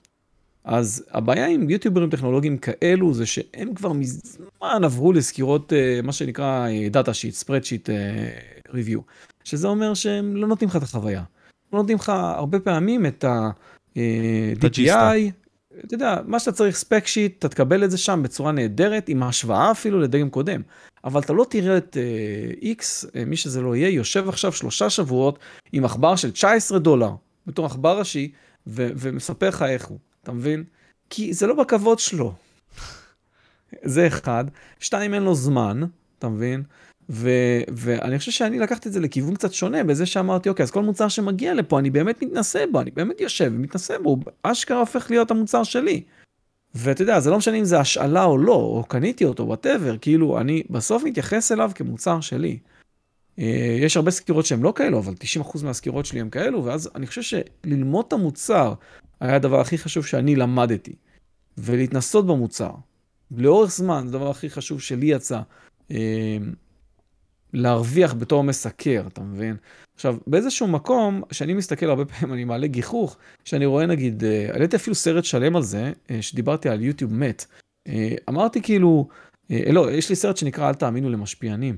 שזה סרט שבו, שאני אומר בו כאילו, תשמע, יכול להיות שאתה עוקב אחרי בן אדם מסוים כי יש לו את הלייפסטייל הכי מדהים בעולם, אוקיי? אבל בסופו של דבר, וזה לא מתייחס אגב למשפיען כזה ספציפי או אחר, זה באופן כללי. כי אני גם עוקב אחרי אנשים שיש להם מאות אלפי עוקבים, שאני מאוד נהנה מהתוכן שלהם ומאוד נהנה מהחוויות שהם חווים, שלי אין אותם בחיים כרגע. לצורך העניין ההוא שמטייל עכשיו בעולם, אוקיי? אבל אם הוא יבוא עכשיו והוא יספר לי על נעלי הליכה מסוימות, אני אאמין לו. כי אני יודע שהוא עושה טרקים. שנים, אתה מבין? ואני יודע שהוא קרע את הנעליים שלו בטרקים. אבל אם הוא יבוא ויספר לי עכשיו, לצורך העניין, על אה, אה, מצלמה חדשה שיש לו, אני לא יודע כמה אני אאמין לו, כי אני יודע שהוא כבר עשר שנים עם גו פרו מאוד ישן. כולו מומחה לזה, עוד פעם, ראיית לא העולם לא שלו לזה. וההתמחות שלו על משהו אחד. כן, עכשיו, יכול להיות שכלפיו, נגיד הרבה פעמים, אתה יודע, אנחנו רואים ביוטיוב את ה... מה שנקרא אה, שיתופי פעולה, הם קוראים לזה, כולם קוראים לזה עכשיו. אז יש שיתופי פעולה עם חברה אחת או אחרת, שבה באמת אותו בן אדם אומר, תשמע, זה באמת המוצר הכי טוב שיש לי. אני מאמין לו, זה המוצר הכי טוב שיש לו. אבל כמה כבר היו לו כאלו? אני החלפתי, אה, ושוב, אני לא משווה את עצמי לאחרים, זה פשוט הסיפור שלי. אני החלפתי בשנתיים האחרונות לפחות 30 או 40 אוזניות. אני יודע להגיד לך היום, שאני בודק אוזניות, איך הן יחסית ל-30 פלוס אוזניות אחרות. וואו. איך הסאונד, איך הן מרגישות על הראש. בוא, אני איתך עכשיו בשיחה כבר מעל uh, שעתיים. אז אני יודע להגיד לך, תשמע, אין הרבה אוזניות שאני יכול לשים שעתיים על הראש בלי לגרד באוזן. אתה מבין? אוזניות אטומות, מה שנקרא סטודיו הצד. אז, אז אתה יודע, יש לי, יש לי את היכולת לבוא ולבדוק מוצר מסוים מול 30 מוצרים אחרים מבחינה חווייתית, מבחינת הניסיון שלי. איך עכבר מסוים מרגיש מול 30 עכברים. עכשיו, הכי קל לי לבוא ולהגיד לך, לפי ספק שיטס, העכבר הזה זה עכבר אה, הכי מתקדם, הכי חדש, זה האייפון הכי טוב שהיה לנו, זה הסמסונג הכי טוב שהיה לנו, זה הנאס, אחסון מבוסס רשת הכי טוב שהיה לנו. אבל בשורה התחתונה, יכול להיות שזה לא מתאים לכל אחד בקהל, ויכול להיות שלך אה, ספציפית אין מספיק ניסיון עם נאסים אחרים, עם אלטרנטיבות. אתה מבין? אז חשוב גם להגיד את זה בסקירות האלה, והרבה פעמים אני מעלה גיחוך שאני אומר כאילו, בוא אחי, אבל אתה יודע, כאילו, בוא תהיה רגע כנה עם הצופים ועם עצמך, ו- ותספר גם שאתה גם לא ניסית יותר מדי. זה הכי טוב שהיה לך, אבל היה לך שניים. כאילו, זה יותר טוב מהקודם. אבל גם יש עניין בזה, אתה יודע, זה גם הייתה בעיה עם חיסוני קורונה. לא ניכנס לזה יותר מדי, אבל כל כן, פעם יש ממצא חדש. כן, אתה רוצה פרסומות, אז... לא, לא, לא, אני, אני יכול לדבר על זה, אין לי בעיה. אבל כל פעם יש לך הרי עדכון חדש. לא משנה אם זה נכון או לא נכון, כל פעם יש לך עדכון חדש. אצלך נגיד, יש כל פעם עדכון חדש, כל פעם זה משתנה, כל פעם ה...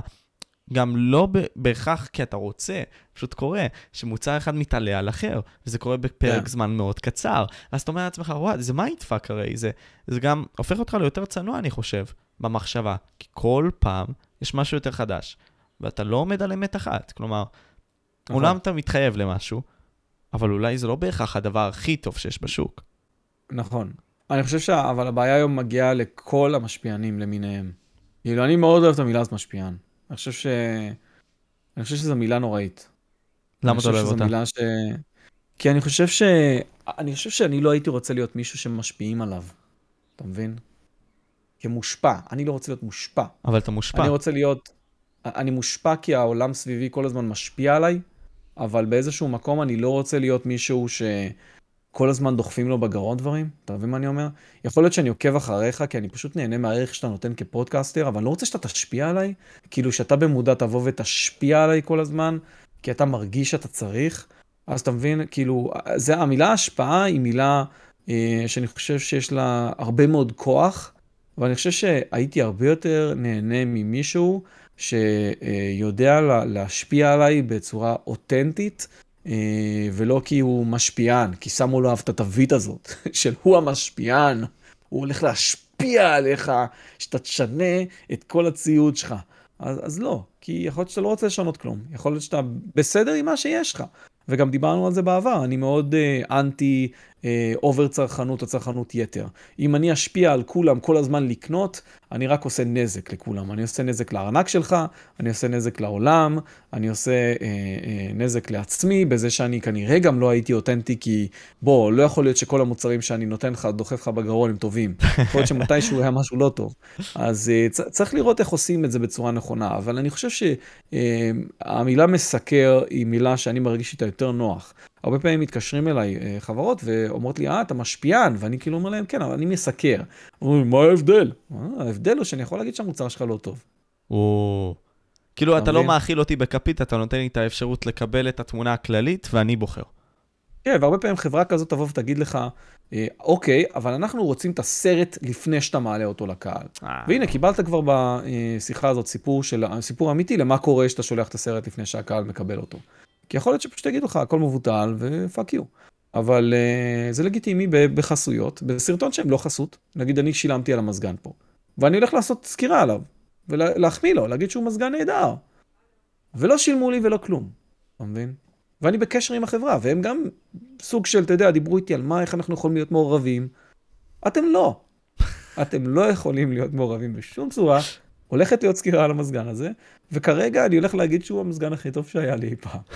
אבל, אבל זה לא בגלל שאתם מעורבים או ששילמתם לי, זה מה שאני מאמין, ובגלל שיש לי כל כך הרבה טראומות לספר של אחרים, שיצא לי לדבר איתם, עם, עם העולם הזה של התקנת מזגנים, אה, שהוא עולם מזעזע של התקנות לקויות ודברים כאלו, כבר סיפרתי לך דוגמה אחת. אז כאילו, אתה יודע, בסוף אתה צריך להסתכל על, על, על, על, על עצמך, כאילו, ו...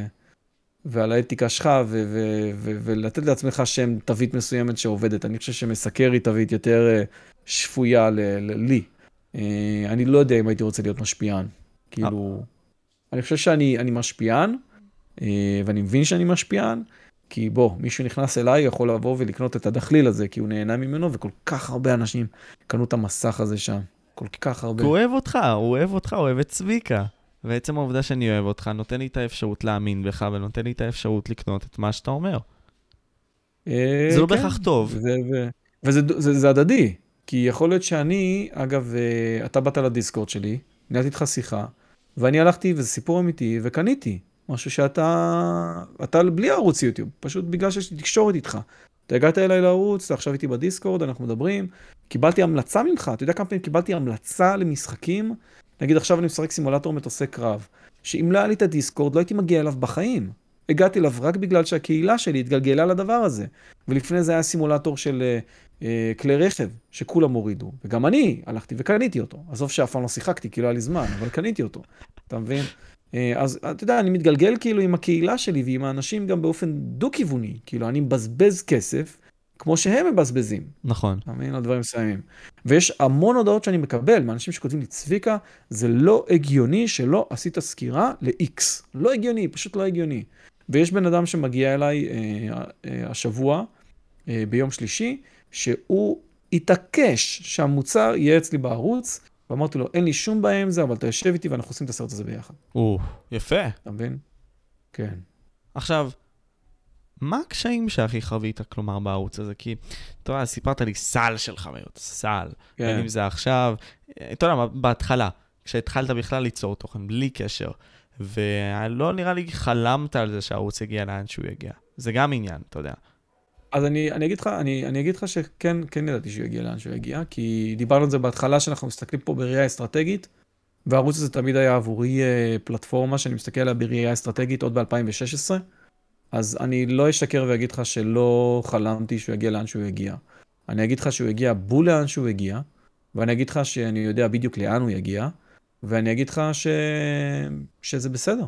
כי, כי, כי הוא בנוי ככה, הוא בנוי להיות ערוץ שהוא ותיק, הוא בנוי להיות דינוזאור ביוטיוב. זה הערוץ. הוא היה ככה ב-2016 ברמת תוכנית מגירה, היה דף עם צביקה ב-2022 יעשה סקירות. וואו. זה לא מפתיע אף אחד. ו... והסקירות שלו אמנם קצת השתנו, והוא כבר לא הולך למשרד שהוא שוכר, אמ, כי הוא מצלם בסביבה שהיא יותר קרובה לו למיטה, כי הוא הולך מהמיטה לישון, כי הוא עובד הרבה מאוד שעות.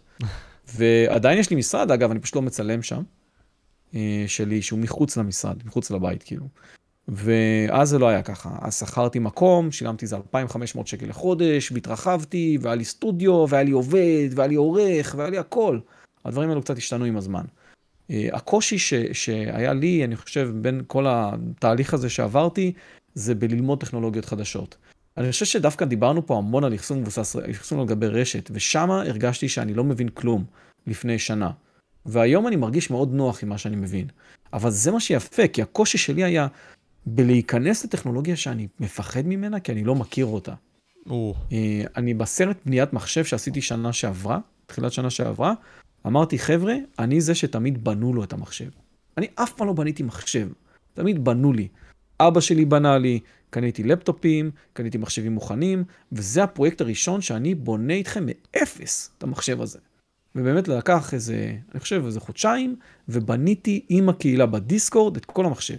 היה לי שני אנשים שהם אנשי IT, שמקבלים מלא כסף לשעה, ישבו איתי בווידאו פתוח ואמרו לי, לא, זה לא טוב, זה כן טוב, זה ככה, זה ככה, ובנינו בילד מטומטם של מחשב, שהוא, אתה יודע, מטורף, הוא, אנחנו משתמשים בו עכשיו, הוא מחשב מדהים, אני מאוד אוהב אותו, המחשב הכי טוב שהיה לי אי פעם.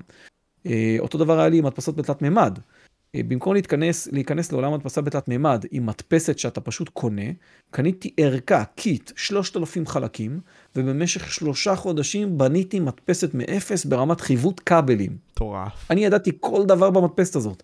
אם היה, היה לי תקלה במדפסת, ידעתי בדיוק איזה חלק צריך להחליף, איפה קונים אותו, כמה הוא עולה, ומה מה זה אומר שהחלק הזה לא תקין. מה ההשפעות, ההשפעות על המדפסת, כי אני בניתי אותה מאפס, ויש לי טיימלפס בערוץ, סרט רץ של כל הבנייה. אפשר ממש לראות את זה בהילוך מהיר. חודשים. אה, ואגב, גם שחר שושן, אה, לא סתם הוא חבר שלי ואני מאוד קרוב אליו, אה, כי הוא מאוד דומה לי באופי הזה. הוא ואני לפעמים יושבים בדיסקורד ומנהלים שיחות של שעות על סימולטורים או על בנייה. הוא ואני בנינו מדפסות, תלת מימד. הוא ואני עשינו על הקריקאט סרט שזה מעולם של המייקרים, שזה שוב, אני התחלתי את הסרט הזה בזה שאני אומר, חבר'ה, אני מייקר, אבל מכונת חיתוך לא היה לי אף פעם. אז אתה פתאום נכנס לעולם שאתה אה, צריך ללמוד אותו, שזה איך, איך עובדים עם מכשיר שהוא הוא זז על ציר דו-ממדי ולא תלת-ממדי, זה מאוד דומה, אבל זה שונה, זה חדש.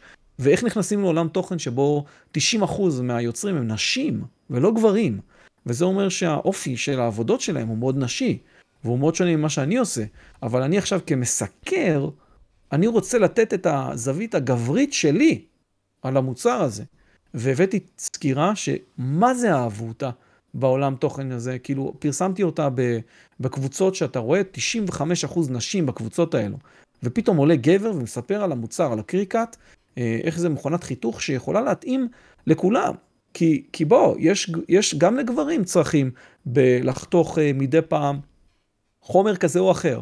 ולהשתמש בו אה, בשביל תוויות. נגיד, אתן לך דוגמה מעולם של הג'ויסטיקים של התעופה, אתה יכול לשים תוויות, מה כל כפתור עושה. לי יש באזור 50 כפתורים על הג'ויסטיק, עכשיו אני יכול להדפיס מדבקות, לחתוך את ההדבקה בדיוק איך שאני רוצה לשים אותה כמו שצריך. נתתי גם דוגמה אה, יותר מצחיקה של איך אני עכשיו שם תווית על הקופסת אה, ממתקים שלי, אז אני שם תווית, במקום, במקום לשים את הממתקים, אני שם שם פג תוקף, כדי שאף אחד אחר לא יאכל לי מזה, אתה מבין? כי אני יודע שזה לא פג תוקף, אבל שם מדבקה פג תוקף בענק, מי יאכל מזה? אתה מבין? אה, אז אתה יודע, זה דוגמא שאני לקחתי מהעולם שלי, שהוא מהעולם של צביקה, של איך צביקה מתנהג עם מכונה כזאת, וזה היה קצת מצחיק, כי חלק מהחבר'ה כתבו לי, כאילו, מאנשים, כתבו לי, אישה מסוימת שפגשתי, חשבתי שאתה לא תתחבר לזה. אמרתי לה, לא, אני מייקר, כאילו בואי, אני עושה הדפסות בתלת מימד. יש לי, לאורך השנים, היו לי 6 מדפסות תלת מימד. אני כל חצי שנה נוסע לאדם בכפר סבא, שיש לו אימפריה של תלת מימד, והוא ענק בארץ בתלת מימד, ואני עושה איתו סרט, שיתוף פעולה, שבו אני מראה מה הכי חדש בתחום הזה. אז בשבילי לבוא ולהתעסק עם כלי כזה של מייקרים, זה היה, זה היה כיף חיים, אבל אני הגעתי מבחוץ. הקושי היה שאני לא הבנתי לא, לא הכרתי כלום בדבר הזה, אני לא הדפסתי כלום על חולצה כל החיים שלי. אני לא, אתה יודע, לא עשיתי את הדברים שבדרך כלל עושים המוצרים האלו, אני לקחתי את זה לעולם שלי. וכשבניתי מדפסת תלת מימד, בניתי אותה מאפס, ועשיתי, לקחתי את הדרך שלי, שהדרך, אני חושב, הכי מאתגרת, ובסקירת בית מלון, הלכתי ועשיתי משהו בפעם הראשונה, ובסקירה של כלי רכב. אני מתמודד עם אה, ביקורת מאנשים שהם מומחים לכלי רכב. ואני אומר בסקירה, חבר'ה, אני לא מומחה לכלי רכב, אני נותן לכם פה חוויה שלי עם האוטו הזה למשך זמן, וזהו, השאילו לי אותו, וזה מה יש, הסרט הזה, זה סרט שבו אני אספר לכם על איך זה. אה, ואני חושב שזה הקושי הכי גדול שהיה לי במהלך השנים, כי כל פעם הכנסתי את עצמי לתחום שאני לא מבין בו, מאפס. ואתה יודע, אחרי חצי שנה, שנה, אני מומחה, אבל נכנסתי עם אפס מומחיות. והסרט תמיד היה שהייתי אפס. תמיד הסרט הראשון היה שהייתי אפס. הסרט הראשון על הדפסה בתלת מימד, שאני פותח את המדפסת, את הקופסה, את הקיט, 300 חתיכות, אני לא מבין על מה אני מדבר. אני פשוט לא מבין על מה אני מדבר. אבל תבוא אליי היום, ראיתי עשרה דגמים שהיו אצלי פיזית פה, ביקרתי אצל המומחים ברמה הכי, הכי מומחים בארץ בהדפסה בתלת מימד שמכירים אותי. הייתי במפגשים ואירועים של עולם ההדפסה בתלת מימד. אני יכול היום לספר לך על כל החידושים בתחום הזה. אני עשיתי הרצאות ל-300-400 איש על, על העולם הזה.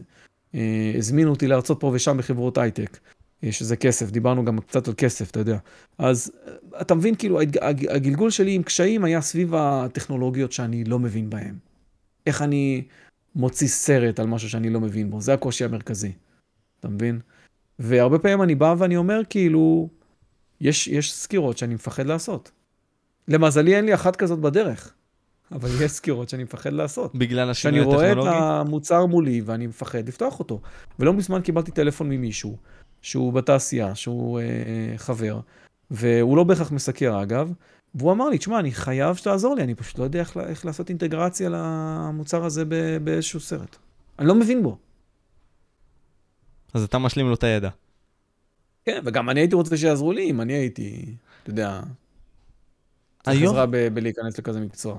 היופי כאן, תחום. ואני חושב שזה משהו שאנחנו צריכים להתאקלם אליו. אתה יודע, יש שיר של נאז, שאומר, People fear what they don't understand. כלומר, אנשים מפחדים מהדברים שהם לא מבינים. בדיוק. ובעצם העובדה הזאת, כשאתה לא מבין את מה שאתה עושה, אתה יכול גם לא להתקדם בחיים. לא להגיע לאן כן. שאתה רוצה להיות. כלומר, עצם העובדה שאתה לא מתעמק בקושי הזה, בכאב הזה, הפוטנציאלי שאתה יכול לחוות מזה שאתה תהיה מטומטם לכמה רגעים. וזה קורה, וזה בסדר. אתה לא מתקדם. כאילו, ותדמיין איזה יופי אתה עשית, מבחינתי. אתה לקחת את הקושי הזה, הקושי הזה, אמרת, לא, אני אכנס בזה ברב רבאק. ויש אנשים כן. סביבך, למזלך, שכן עוזרים לך ודוחפים אותך לעשות את זה. איזה יופי זה. כן, אני חושב שדיברנו על הכלים, אתה יודע, זה שיש לך את הדיסקורד, זה שיש לך את הוואטסאפ, זה שיש לך את, את הפלטפורמות האלה שמאפשרות לך לתקשר עם אנשים אחרים, זה שיש לך מפגשים חברתיים. אה, הייתי עכשיו בהשקה של החנות אייסטור החדשה, היה לה אירוע פתיחה כזאתי, ופתאום זה נהיה אירוע מפגש של, של מסקרי טכנולוגיה, כי במקרה כולנו הגענו לשם. אז אתה יודע, ינון בן שושן מהאינסטגרם פתאום שם, ואתה יכול לדבר איתו על האינסטגרם, ואתה יכול להתפתח משם, כי אתה מבין כאילו משהו שהבן אדם הזה עכשיו סיפר לך, אתה מבין, אלון גריני היה שם, אה, ליסקר היה שם, ופתאום זה נהיה מין מיני מפגש כזה, אתה מבין? אה, אבל זה כאילו, שחר שושן יצא לי כמה פעמים לפגוש אותו פה ושם, ואז אה, או שעשיתי איתו סרט, שזה קרה כמה פעמים, או שהלכתי איתו לאכול. לא מתועד, אתה יודע, אנחנו, אני והוא מדברים על החיים, יושבים במסעדה, אה, זה קרה לנו כמה פעמים.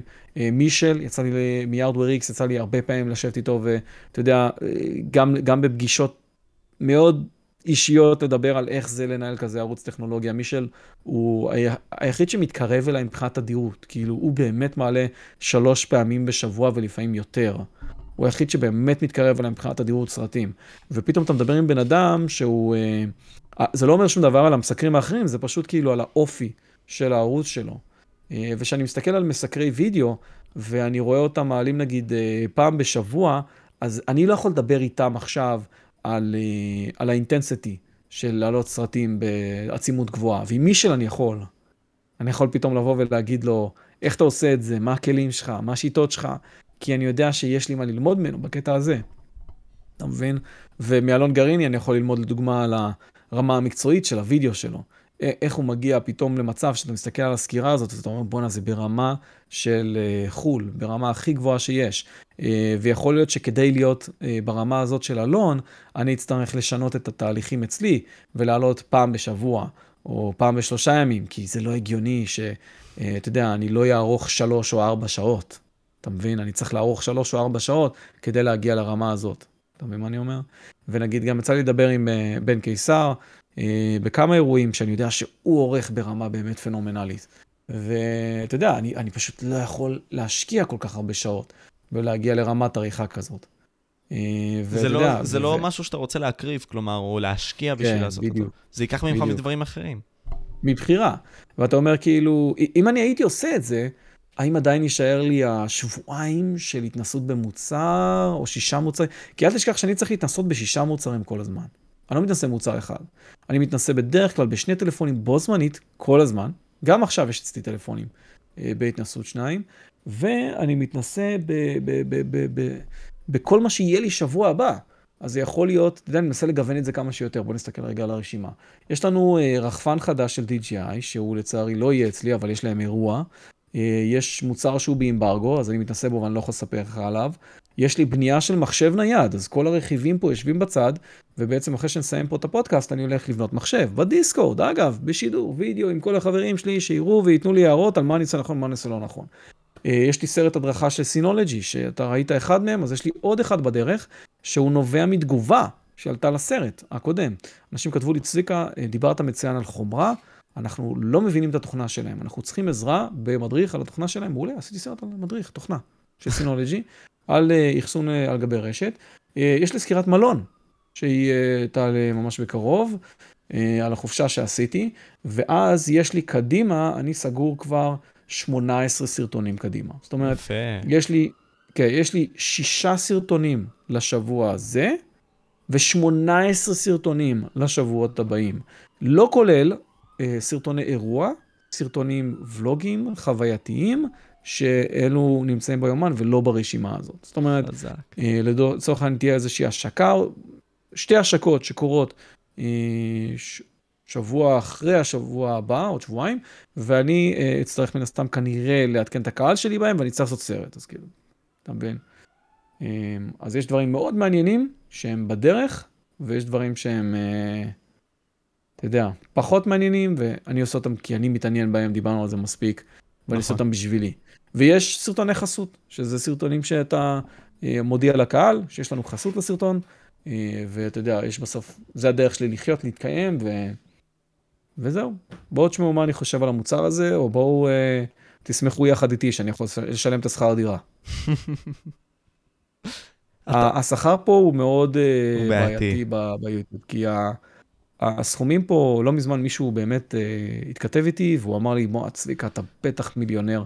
ומה ששלחתי לו, גם יכול להיות ממש מטומטם, שלחתי לו את הדוח רווח והפסד שלי לחודש שעבר. ויצא שההכנסות שלי היו סביב ה... סביב ה-3,000 שקל לערוץ. ואתה יודע, ושלחתי לו פשוט תמונה שמראה את כל ההכנסות שלי, ו... והוא פשוט אמר לי, מה זה, וואו. אמרתי לו, כן, אחי, זה מה שהכנסתי. איך הכנסת כל כך מעט? אמרתי לו, בוא, פתח איתי את הערוץ, תסתכל רגע על הסרטונים.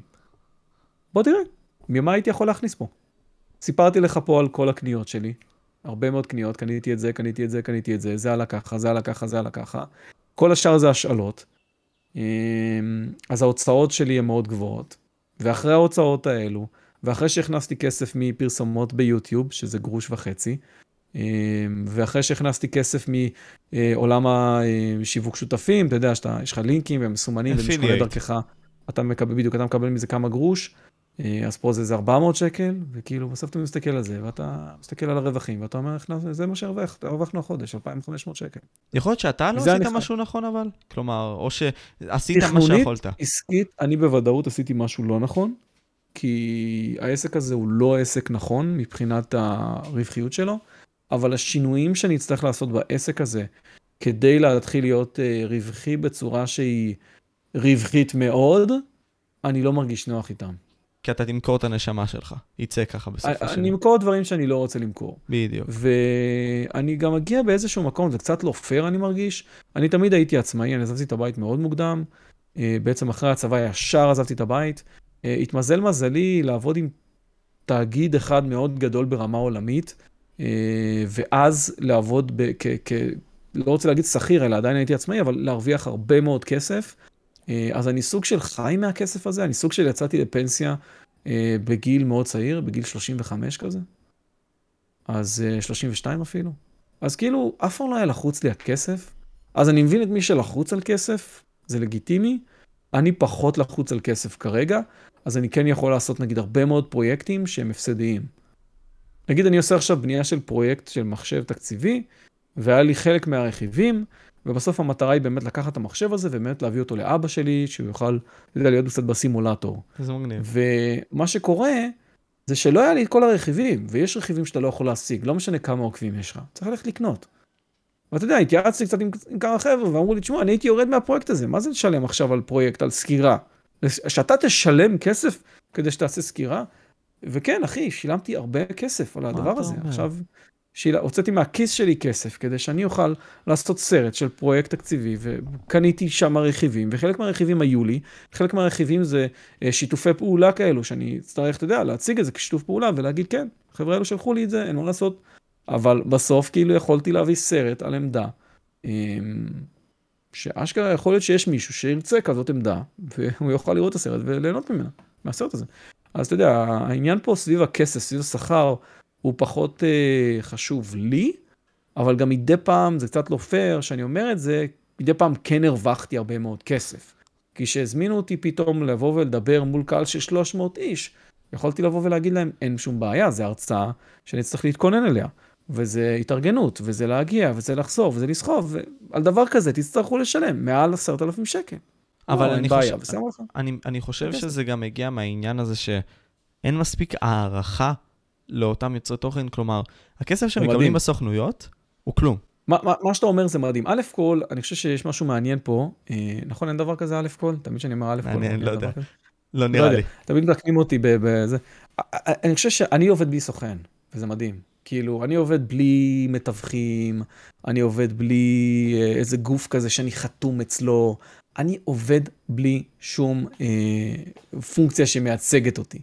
וזה מצחיק, כי בעולמות הטכנולוגיה זה רוב היוצרים. רוב היוצרים הם, או שהם שכירים בחברה וזה לגיטימי, או שהם, אתה יודע, עצמאים כמוני, והם, מה, מה בראש להם? אין איזה משהו שמאגד אותם אה, בתוך איזשהו אה, חוזית, איזשהו משהו, וגם אתה לא יכול לשים מסקר אה, בדבר כזה. כי הוא, הוא צריך לעשות את ההשוואה למוצרים הרבה פעמים למתחרים. ואם מי שמאגד אותי באיזשהו אה, חוזה כזה מונע ממני התעסקות עם המתחרים, איזה מין מסקר אני? אני מישהו שלא יודע לעשות השוואות עם מוצרים אחרים, אני לא יכול לתת דעה אובייקטיבית על מוצר אה, באופן השוואתי, אתה מבין? אז אני לא בהכרח יכול להיות בסוג של אה, התארגנות כזאת או אחרת, של, אה, שתגביל אותי, אתה מבין? אה, כמו שאתה מתאר. אז אה, אם הייתי, יכול להיות שהיה לי יותר כסף. כי אז הם יכולים להגיד לי, תשמע, אתה אצלנו, קודם כל אנחנו שמים לך את ה-20,000 שקל לחודש. Mm. קודם כל, זה ממנו אליך. ב', בגלל שאנחנו עובדים עם הרשת מזון הזאת והזאת והזאת, זה כמו בצבא שמאכילים אותך, אתה אוכל חינם. פה, שם, אצל ההוא, אצל... רק תעלה מדי פעם איזה סטורי שתיים, וזה, וזה מדהים, כי אז אתה יכול באמת לקלקל את עצמך. עכשיו, כשאתה לא נמצא במקומות האלו, אז האוכל עולה כסף. ואתה לא מקבל כסף כל חודש. ואתה אולי בגיל שאתה צריך לשלם שכר דירה, משכנתה. אולי אתה בגיל שאתה צריך לשלם על דברים אחרים, משפחה. אז איך אתה חי עם 2,000 שקל? לא הגיוני. איך צביקה לא זה ככה בישראל? איך זה, איך זה ככה בישראל? אז, אז, אז הרעיון, הרעיון הכלכלי פה הוא שיכול להיות שיהיו, כמו בכל עסק עצמאי, ופה כבר אנחנו נכנסים לאיך לנהל עסק, חודשים טובים וחודשים לא טובים. ובאמת, שלי היה חודש מסוים, שאני חושב שעבר אצלי מעל 100 אלף שקל. אז אתה יודע שהחודש הזה הוא על חשבון כמה חודשים קשים שיבואו בהמשך, ואתה לא יכול לבוא ולקנות עכשיו טסלה. אתה לא יכול, אתה פשוט לא יכול. אתה צריך לשמור את הכסף הזה לחודשים הבאים, שאולי בהם אתה תהיה יותר אה, עם פרויקטים שהם לא רווחיים. אתה מבין? ואם אתה עושה רק פרויקטים רווחיים, אז כמו שאתה ציינת, אתה דיברת על לאבד את הנשמה, או למכור את הנשמה, יכול להיות שאתה לא תוכל לעמוד במשימה המקורית שלנו, שהייתה להישאר פה הרבה מאוד שנים. כי אתה מכרת את עצמך, תלית את הנשמה שלך בכניסה למשרד. יכול להיות שאתה לא תרצה להישאר במשרד הזה עוד שנה, שנתיים, ואתה תגיד, אני הולך לעשות משהו אחר. אני יודע להגיד היום שאני לא רואה סיבה שאני אפסיק. אתה מבין? אני כן רואה אה, סיבה שאני אשנה את התוכן שלי, זה כן, זה... אני כבר על השולחן שלי, יש כמה תוכניות, אני גם דיברתי על זה עם אלון גרעיני, האמת, במפגש השבוע, שהתוכן שלי כן יעבור שינוי, אני כן הולך לשנות אותו. להתאים ו... אותו יותר לצופים? וזה חייב להשתנות. מה זה? להתאים את, כאילו, השפה לא, שלך... להתאים אותו לי. להתאים אותו לי. אה, דווקא הפוך. אני מרגיש ש... כן, אני מרגיש, אני מרגיש שאני אהנה יותר מתוכן מסוים, שהוא, אתה יודע, דומה מאוד למה שעשיתי עם השיגור של SpaceX, אה, שבו בעצם אני רואה סרט שמקבל פי שלוש יותר צפיות מבדרך כלל, אה, ואני באמת נותן שם את עצמי, כאילו באמת, את, ה, את ה-core interest של צביקה, שחובב חלל, שקנה טלסקופ ענק והוא מסתכל על הכוכבים, והוא uh, נסע עד למצפה ווייז באמצע שום מקום בשביל uh, לראות במקום שיש בו הכי פחות זיהום אור בארץ, איך, נראה, uh, איך נראות הטבעות של שבתאי, וחגג יום הולדת במצפה כוכבים בגבעתיים. כאילו, אני הבן אדם שם נתתי את עצמי ב-100%. והיום אני גם דיברתי על זה עם הרבה יוצרים אחרים, שאנחנו מסתכלים על אופי הסרטים שיש לנו בערוצים, אה, בעולמות הטכנולוגיה, אתה תראה הרבה מאוד, הרבה מאוד סרטים, שאתה יודע להגיד שהיוצר התוכן לא שלם עם הסרט שהוא עשה ברמת ה... למה הדבר הזה בבית שלו? Mm, אתה מבין? רמת המשמעות. אתה, אתה מרגיש את זה, פשוט מרגישים את זה. אתה מבין? ואני רוצה להוריד את עצמי קצת מהדבר הזה, כי גם אצלי, בבית שלי, יש כמה סרטים שעשיתי שאני חושב שאולי לא היו צריכים להיות שם. אתה מבין? אז בקטע הזה קוונט... או אולי היו צריכות, צריכות להיות, צריכים להיות שם בדרך קצת אחרת, בדרך קצת שונה. אתה רואה את זה בתור quality over quantity בקטע הזה? כלומר, האיכות יותר מתעלית על הכמות בקטע הזה? יש פה מאזניים שלך בתור יוצר, אתה צריך בסופו של דבר להגיד, תשמע, אם אני צביקה ואני פסיכופת ועושה סרטון שלוש שפות כל יום, ומעלה טיק טוק, אז איפה פה הקואליטי? כאילו, איך, איך, איך, יש, איך יש קואליטי? זה כמו שאתה תגיע לסניף מזון מהיר, אתה יודע, בחו"ל, אני לא אגיד את הרשת, כי לא עשו להם פרסומת, אבל מי שרוצה לדעת איזה, שייכנס לגוגל מפס שלי, אני, אני כמעט דירקתי את כל הסניפים שלהם בארץ, אז אם הם יכולים לייצר לי מנה בשלוש דקות, איך זה יכול להיות איכותי? באיזה עולם? יש בזה משהו. אתה מבין? וזה יכול להיות איכותי, זה הקטע. אבל אם אתה עובד להיות. על זה לבד, זה לא יכול להיות איכותי.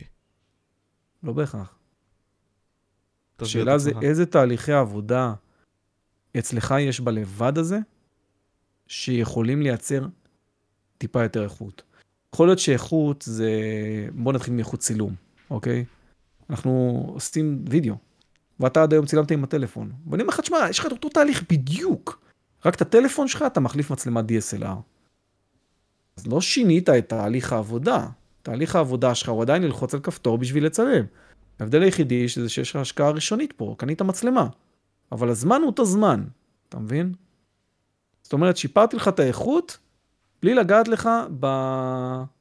בעניין הכמותי של כמה זמן אתה צריך להשקיע בשביל לייצר את הסרט שלך. אותו זמן, פשוט מצלמת DSLR במקום טלפון.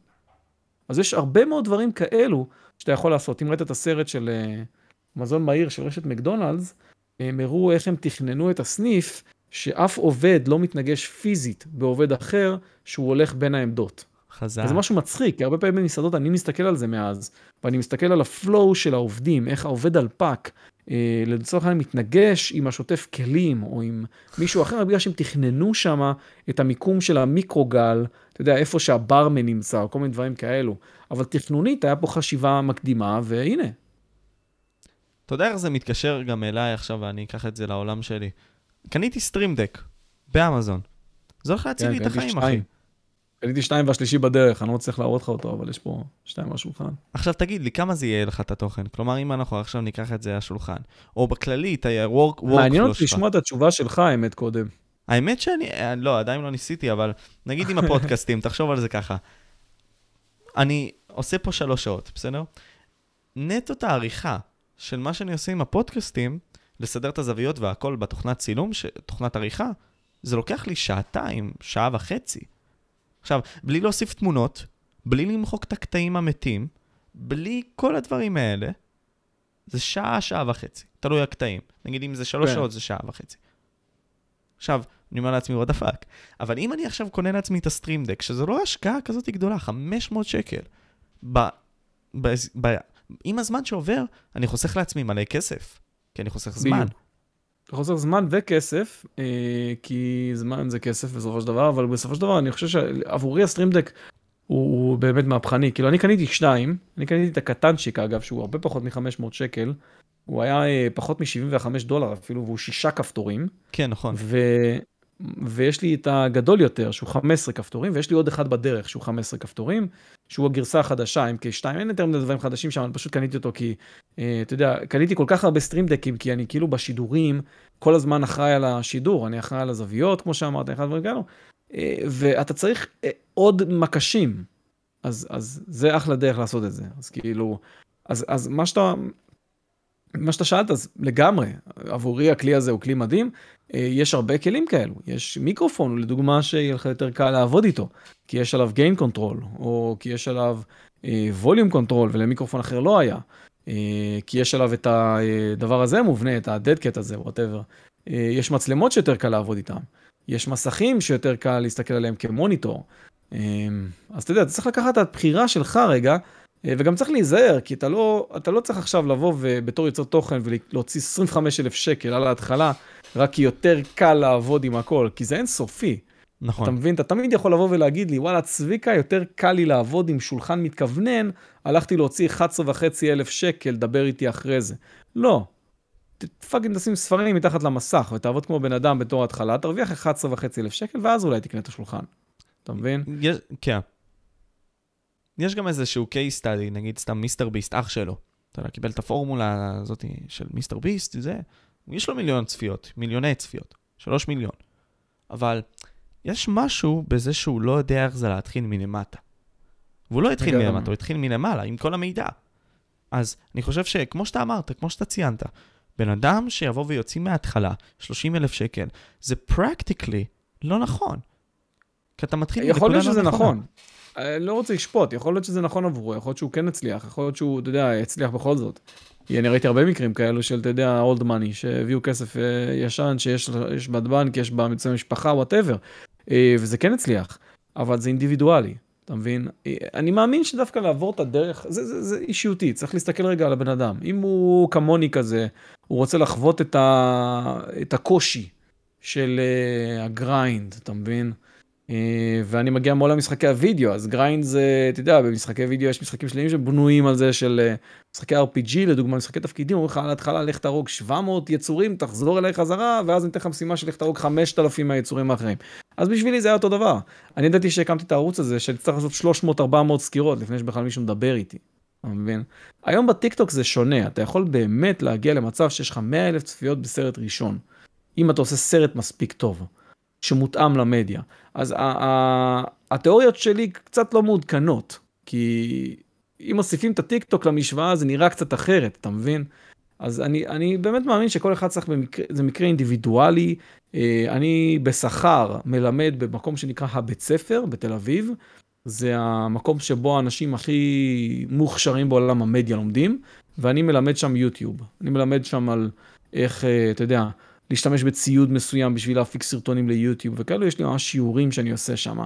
אה, ובסופו של דבר, אתה יודע, ראיתי אנשים שהגיעו מכל הקצוות של, ה, אה, של הספקטרום של הכסף. יש לנו, אין לנו, מוצלחים, לא מוצלחים, בנים של, לא בנים של.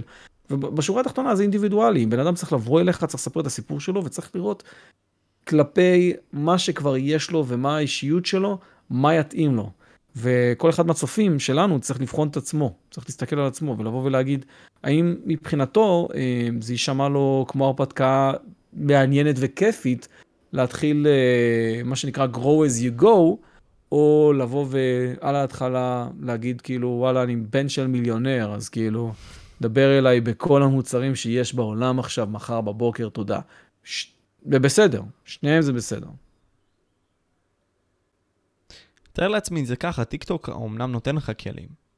אתה... זה... הוא נותן לך את האפשרות לעשות את זה יותר נגיש ויותר קל. עכשיו, בהכרח מיקרופון לא יהפוך לך את זה ליותר קל, כמו שהוא פשוט ייתן לך יותר איכות. יכול להיות שכן, yeah. כן. כמו שדיברנו על זה.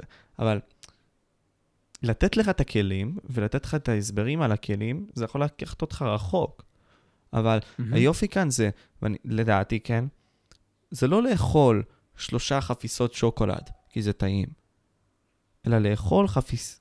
קובייה אחת, ועוד אחרי זה, ועוד אחרי זה, ולהרגיש את ההבדל. כי אחרי שלוש, אתה מתרגל. אתה לא, זה לא אותו אפקט. אבל כשאתה חווה את זה באיטיות, לאט-לאט, אתה מרגיש מה זה להיות עם שוקולד, מה זה להיות בלי שוקולד. כן, אני מכור לשוקולד, אז אני הייתי אוכל את השלוש אה, חפיסות שוקולד הכי בלי לחשוב בכלל, אבל כן, אם היו לי, אה, אין לי, כי אכלתי את שלושתם. אבל אה, כן, אני מסכים איתך, אני חושב שהדרך שלי מאוד דומה למה שאתה מתאר. אה, ואני חושב שאתה לומד הרבה בדרך הזאת, ואז אתה יכול, אה, שאתה גדל, שאתה גדול, שכבר שכחת מאיפה התחלת, אז אתה קצת מעריך יותר את מה שעשית. אני חושב שגם הקהל שלך, כאילו, מעריך את זה, כי הוא רואה את ההתפתחות שלך באיזשהו מקום. אבל שוב, זה לא, אני לא מאמין שלכולם יש את אותה דרך. אני מאמין שזה מאוד uh, אינדיבידואלי, ואנחנו אנשים שונים ומשונים, וכל אחד יכול ללכת בדרך שלו, ואנחנו נראה הצלחות אדירות ופנומנליות. אה, מאנשים שהם היו פה בקצה הזה של הספקטרום ובקצה השני של הספקטרום. זה מאוד אישי. אז אם הנימה הזאתי אה, וההסתכלות האינדיבידואלית של כל בן אדם ובן אדם, עדיין בכל זאת חוזרים להיות בני אדם, אתה יודע, וכולנו חווים את החוויות של החיים, ומעניין אותי לשאול שתי שאלות אחרונות, כי אני רוצה לתת לך גם מזמנך, לכבד את הזמן שלך. איזה בכללי, משהו שלמדת בחיים שהוא חשוב לך להעביר לצופים. כלומר, אתה יודע, אנחנו חווים את הכל. חווים את הטוב ואת הרע. מה כן. היית רוצה להעביר? כי, אתה יודע, אתה יודע מה, אני, אני יכול לחזור על זה הרבה מאוד. היופי שאמרת לי, תמיד היית אמת, איש של אמת, האמת שלך. ניסית להגיד אותה לכולם, כי הרגשת שזה נכון לך. והיופי שאתה עכשיו עושה את זה, ואתה מאמין באמת הזאת, אתה משתדל כמה שיותר שתהיה אמיתית, בלי שתמכור אותה. אז אני מעריך את זה בך. איזה מסר היית אולי רוצה להעביר לאנשים? אני חושב שמה שחסר היום בעולם באופן כללי דווקא זה, זה, זה, זה ספורט, זה תמיכה. תמיכה ב, ב... אני אומר, יוצרים כלפי יוצרים אחרים זה אחד, יוצרים כלפי צופים, צופים כלפי יוצרים. כי אנחנו מסתכלים על עידן שבו, אתה יודע, הרבה יותר קל לפזר שנאה, והרבה יותר קל לשים תוויות ולהגיד, אה, אני מכיר את משה. יש לי 15 חברים שקוראים להם משה, הם כולם חרא של אנשים. אז כאילו, זה הכי קל לעשות את זה, אבל הסיפור הוא ההפך אגב, כי החבר הכי טוב שלי קוראים לו משה. שני חברים הכי טובים שלי קוראים להם משה, אז כאילו, זה לא, ה, זה לא הסיפור, זה רק הדוגמה של אה, זה מה שחסר היום בעולם, ואני רואה את זה דווקא בזה שיש לי ערוץ בינלאומי. שאני יכול להעלות סרט, וההערות שאני מקבל הן על האף שלי, שזה האף של יהודי, שיש לו את השבירה הזאת, אתה יודע, ומזהים את זה. ואנשים פשוט כותבים לי, זה קללות על יהודים. אה, ואתה רואה כל כך הרבה שנאה, ועכשיו אתה רואה את השנאה במדיה החברתית, בכל מיני הקשרים של מי אתה ומה אתה ואיזה תוויות הצמידו לך, ושזה מגיע ומחלחל לעולם של הסקירות טכנולוגיה כבר, שאני אומר כאילו, מה הקשר? מה הקשר, אחי, אם, אם הצבע העור שלי הוא כזה או אחר, או אם אני... זה, אני בא לפה לספר לך על איך העכבר. בוא, אני בא לפה לספר לך על איך האוזניות. אם אני לא הייתי עושה את זה, כנראה שאף אחד לא היה עושה את זה. אתה מכבד את זה? שים לייק, תקדם. אל תשים לייק, תקדם בלי. לא משנה, אבל התמיכה הזאת כל כך נעלמת מהעולם, כל כך צריך אותה. העניין הזה של לבוא ולכבד אנשים אחרים, ואני הרבה פעמים, אתה יודע, אני שם, אני, כמעט כל היוצרים הטכנולוגיים, אני שם להם תגובות. לא בשביל לקדם את הערוץ שלי, אגב. בשביל שאתה יודע, אני אתן להם את התמיכה הזאת, אני חושב סקירה נהדרת. הרבה פעמים עוד לפני שאני רואה אותה. ואתה יודע, נתן להם את האקסטרה פלוס אחד הזה. עוד תגובה אחת לבן אדם. עוד לייק אחד לבן אדם. כי אני יודע כמה הוא צריך את זה עכשיו, בעולם של היום, אתה מבין? אז אם יש איזשהו מסר שאני יכול להגיד לצופים שלנו שנשארו איתנו באמת עד עכשיו, זה תראו איך אתם יכולים לתמוך במי שהשקיע בכם ביצירת תוכן, אפילו שנייה. כאילו, הכפתור של הלייק, תלוי בפלטפורמה, התגובה הזאתי, על להישאר עד הסוף בסרטונים שלו, שזה גם חלק מהאלגוריתם, בכל הפלטפורמות אגב. ו- ואתם תעשו טוב למישהו, אתם תעשו טוב למישהו בעולם שבו הרבה אנשים עושים רע. ואגב, יכול להיות שהם לא אנשים רעים במציאות, הם פשוט, מה שנקרא, אנשים מרגישים שזה כבר נהיה הפורמט, שהסושיאל זה נהיה המקום לפרסם בו את הביקורת שלי על, על הכל, על כולם. וזה מצחיק, כי אני מאוד אוהב לרשום ביקורת חיובית על מסעדות. אז אני עושה את זה גם בגוגל מפס, ואני עושה את זה גם בקבוצות אתה יודע, של העירוניות. נגיד, אם אכלתי במסעדה בחולון, אז אני אכנס לפורום תושבים של חולון, ואני ארשום גם שם את הביקורת שלי. שזה הזוי, כי מה אתה מרוויח מזה? אתה לא מרוויח מזה כלום. אבל אתה יודע מה? פתאום אתה רואה את בעל המסעדה, רושם לך תודה רבה, וכאילו בהלם, ומלא תושבים כותבים, אומרים, וואו, נכון, זה אחלה מסעדה, היא קיימת פה 20 שנה. זה ממש מקום שאנחנו אוהבים בתור אנשים מחולון וזה, ואני רושם בביקורת שלי, תשמעו, אני לא מחולון, עברתי פה במקרה, אבל היי, רציתי לספר לכם שזה אחלה פיצה, כאילו, נהניתי מאוד. ועשיתי את זה לאחרונה עם איזה פיצריה, אה, ואתה רואה שם מאות לייקים על הדבר הזה, ו, ו, ותסתכל בפיד, אחי, אין, אין ביקורות חיוביות על הבן אדם הזה. כאילו, בסושיאל של הפייסבוק של העיר הזאת. יש רק למה לא התקינו פה ספסלים, ולמה אין ציליות, ואני שונא לגור פה, והעיר הזאת הולכת לאבדון, ופתאום בא איזה אחד ואומר, בוא'נה, יש פה אחלה פיצה. האור בקצה המנהרה. זהו, וזה, וזה, וזה עף, זה פוסטים שעפים, אה, וככה גם אתם יכולים לעוף, אם אתם תבואו ופשוט תגידו תודה, תחמיאו לאותו יוצר, לאותו בן אדם, לאותו אנטיטי, לאותה חוויה שקיבלתם ממישהו, ואני חושב שזה כל כך חסר, וזה משהו שבאמת אני ככה חייב ככה, אתה יודע, להגיד למי שצפה בדבר הזה, שקחו את, את היוצרים שאתם כאילו סביבם ותתמכו בהם הכי חזק שאתם יכולים. כאילו, ביוטיוב זה קל, אבל בכל פלטפורמה שזה לא, לא משנה איזו.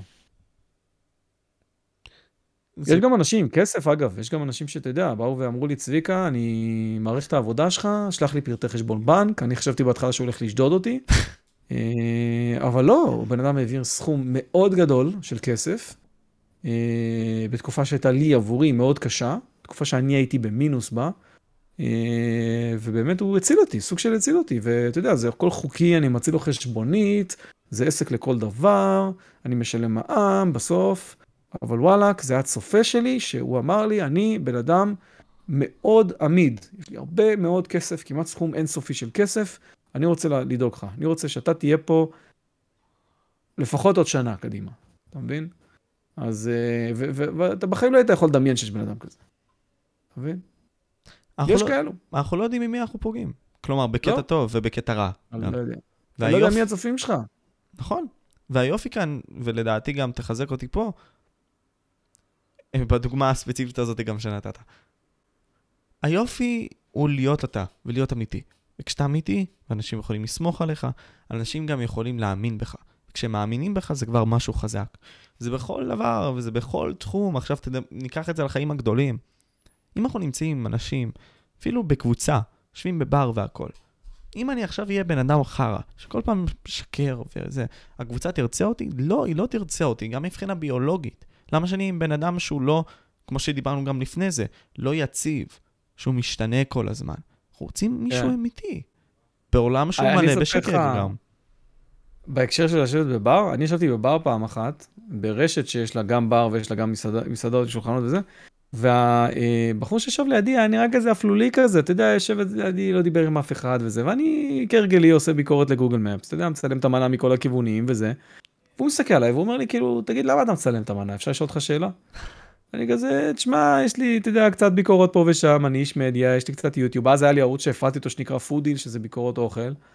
ואמרתי לו, אתה יודע, אני גם נה- נהנה פה מהאוכל, האוכל פה ממש טעים, המקום ממש נחמד, אני רוצה שאנשים יכירו, אנשים ידעו. והוא אמר לי, וואלה, נחמד, ואז אמרתי לו, ואז חייכתי לו, אמרתי לו, תגיד, מי אתה? מה, מה הסיפור שלך? כי ראיתי שהוא כאילו, אתה יודע, בתוך עצמו, והוא אמר לי, אה, אני משה, אתה יודע, סיים אקראי, כן, זה לא היה השם שלו. אני ככה וככה, ואתה יודע, אני יושב פה לאכול, ו... הסתכלתי עליו, אמרתי לו, אתה לא, אתה לא יושב פה לאכול סתם, אה? הוא אמר לי, כן, אני הבעלים של כל הרשת. של כל המסעדות. אני מדבר איתך על רשת מאוד גדולה של מסעדות. ויצאתי משם עם צ'ק של אה, ארבע וחצי אלף שקל, מארוחת צהריים הזאת. שהוא ישב איתי לידי ודיבר איתי על איך אני יכול לייעץ להם לעשות דברים קצת אחרת, ועל הפגישה הזאת הוא שילם ארבע וחצי אלף שקל בצ'ק. ש, שפדיתי, שהיה אפשר כאילו, שעבד, לא, לא עבד עליי. ותדמיין אם היית זין כלפיו. לא בעולם הייתי אחר. מדבר איתו, אנחנו, רוב האנשים לא... מה לדבר איתו. קודם כל הוא התחיל לדבר איתי, אבל אה, אתה יודע, באיזשהו מקום, אני לאחרונה הרבה פעמים נחשף לזה שבאמת, כמו שאמרת, כל אדם הוא עולם ומלואו. גם אנשים רעים, גם אנשים טובים, כל אחד יש לו את ה... אה, אני הפנימי שלו, אני ישבתי לאכול חומוס, שהייתי בסקירה של הבית מלון, אז צילמתי את הסביבה. והבחור של החומוס, אה, אתה יודע, גם ראה אותי בצלם וכאלו, ובסוף באתי אליו ואמרתי לו, אחי, תקשיב, החומוס פה מדהים, כאילו, באמת, חומוס מהטובים שאכלתי, מאוד מאוד נהניתי, סתם שתדע, כאילו, בגוגל, שמתי לך חמש אה, מתוך חמש, וזה לא משהו שאני עושה הרבה. ואז הוא אמר לי, וואלה, תראה לי את זה, הראיתי לו את זה, והוא אמר לי, תקשיב, אתה אחלה בן אדם, ו- ו- וכל פעם שאתה, כאילו, באזור, תבוא אליי, אני אדאג לך, וזה, אמרתי, כן, יאללה, הכל טוב, שילמתי את זה 100 175 שקל, אחי. יצאתי משם, זה לא היה בחינם. ואחרי שעתיים הוא התקשר אליי. והוא אומר לי, תקשיב, אחי, אני רוצה להזמין אותך לבירות, עליי, ואת המשפחה שלך, ואני גם יותר מזה, יש לי פה קינוח כנאפה, משהו מטורף, פתחנו שולחן, תבוא. מה אתה אומר? וזה מה שעשינו, אחי. באנו לשם, וזה העביר לנו את הערב בסבבה, עם בירות, וכנאפה, ועניינים, אה, וזה לא, לא, לא ידעתי שזה יגיע. אתה יודע, אבל הייתי נחמד לבן אדם, אתה מבין? פרגנתי לבן אדם על משהו אמיתי, על, על אוכל טוב, שאהבתי. הלכתי, השקעתי, פרגנתי, סיפרתי גם למי ששלח אותי למקום הזה, שזה באמת מסעדה נהדרת, ואני מסכים עם זה, תודה על ההמלצה, מה שנקרא, וזה חסר בעולם, זה חסר. אני חושב שאתה יודע, זה מגיע לפונדמנטל הזה של התורה. כאילו, תאהב, תאהב את השכן שלך. ב- כן. אתה יודע, זה עניין, עניין כזה ש... תדמיין שאנחנו שני צמחים בעולם. ואם אתה חרא לבן אדם מסוים, אתה באיזשהו שלב גם לוקח מעצמך, מן הסתם שאתה לוקח ממנו, כי אתה לא עוזר לו לגדול. אתה לוקח מעצמך כי אתה לא נותן לעצמך לגדול. אתה מקבע את עצמך, אתה עוד פעם לא נותן לדברים להתפתח ואולי לזרום. אתה מקבע ואומר, זהו, די. ואתה לא. אוהב אותו. אבל אהבה זה משהו שאתה יכול לתת, כמובן להיפגע ממנו, אבל לתת. כשאתה נותן אותו, שני הצמחים גדלים. כי מי יודע, יכול להיות שאתה מדבר איתו, הוא מדבר איתך, אתם עוזרים אחד לשני, ישנה חיבה, ישנה משמעות, ישנה רצון לעשות אחרת. לגמרי. אני מאוד מאמין בזה, הגישה שלי לחיים. אה, גם זו גישה שאתה יודע, אתה, אתה, אתה מרגיש יותר טוב עם עצמך. כאילו.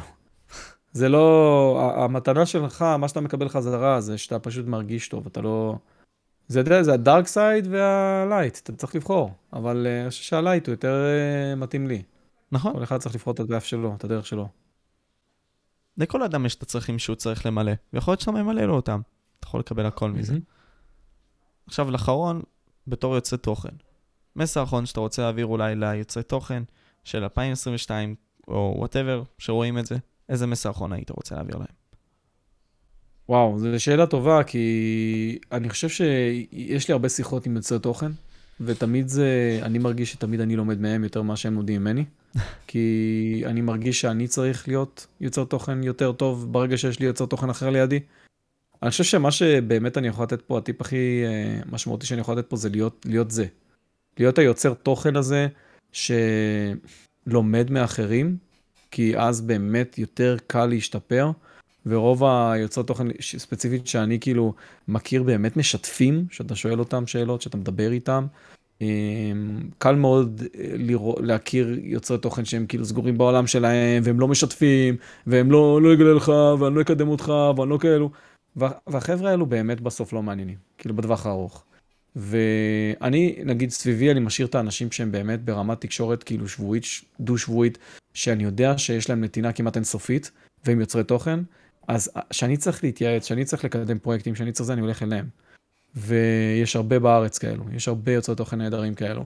וזה לא בהכרח מעולם של הסקירות, אני מדבר עכשיו באופן כללי כיוצר יוצר וידאו, יוצר ברשת.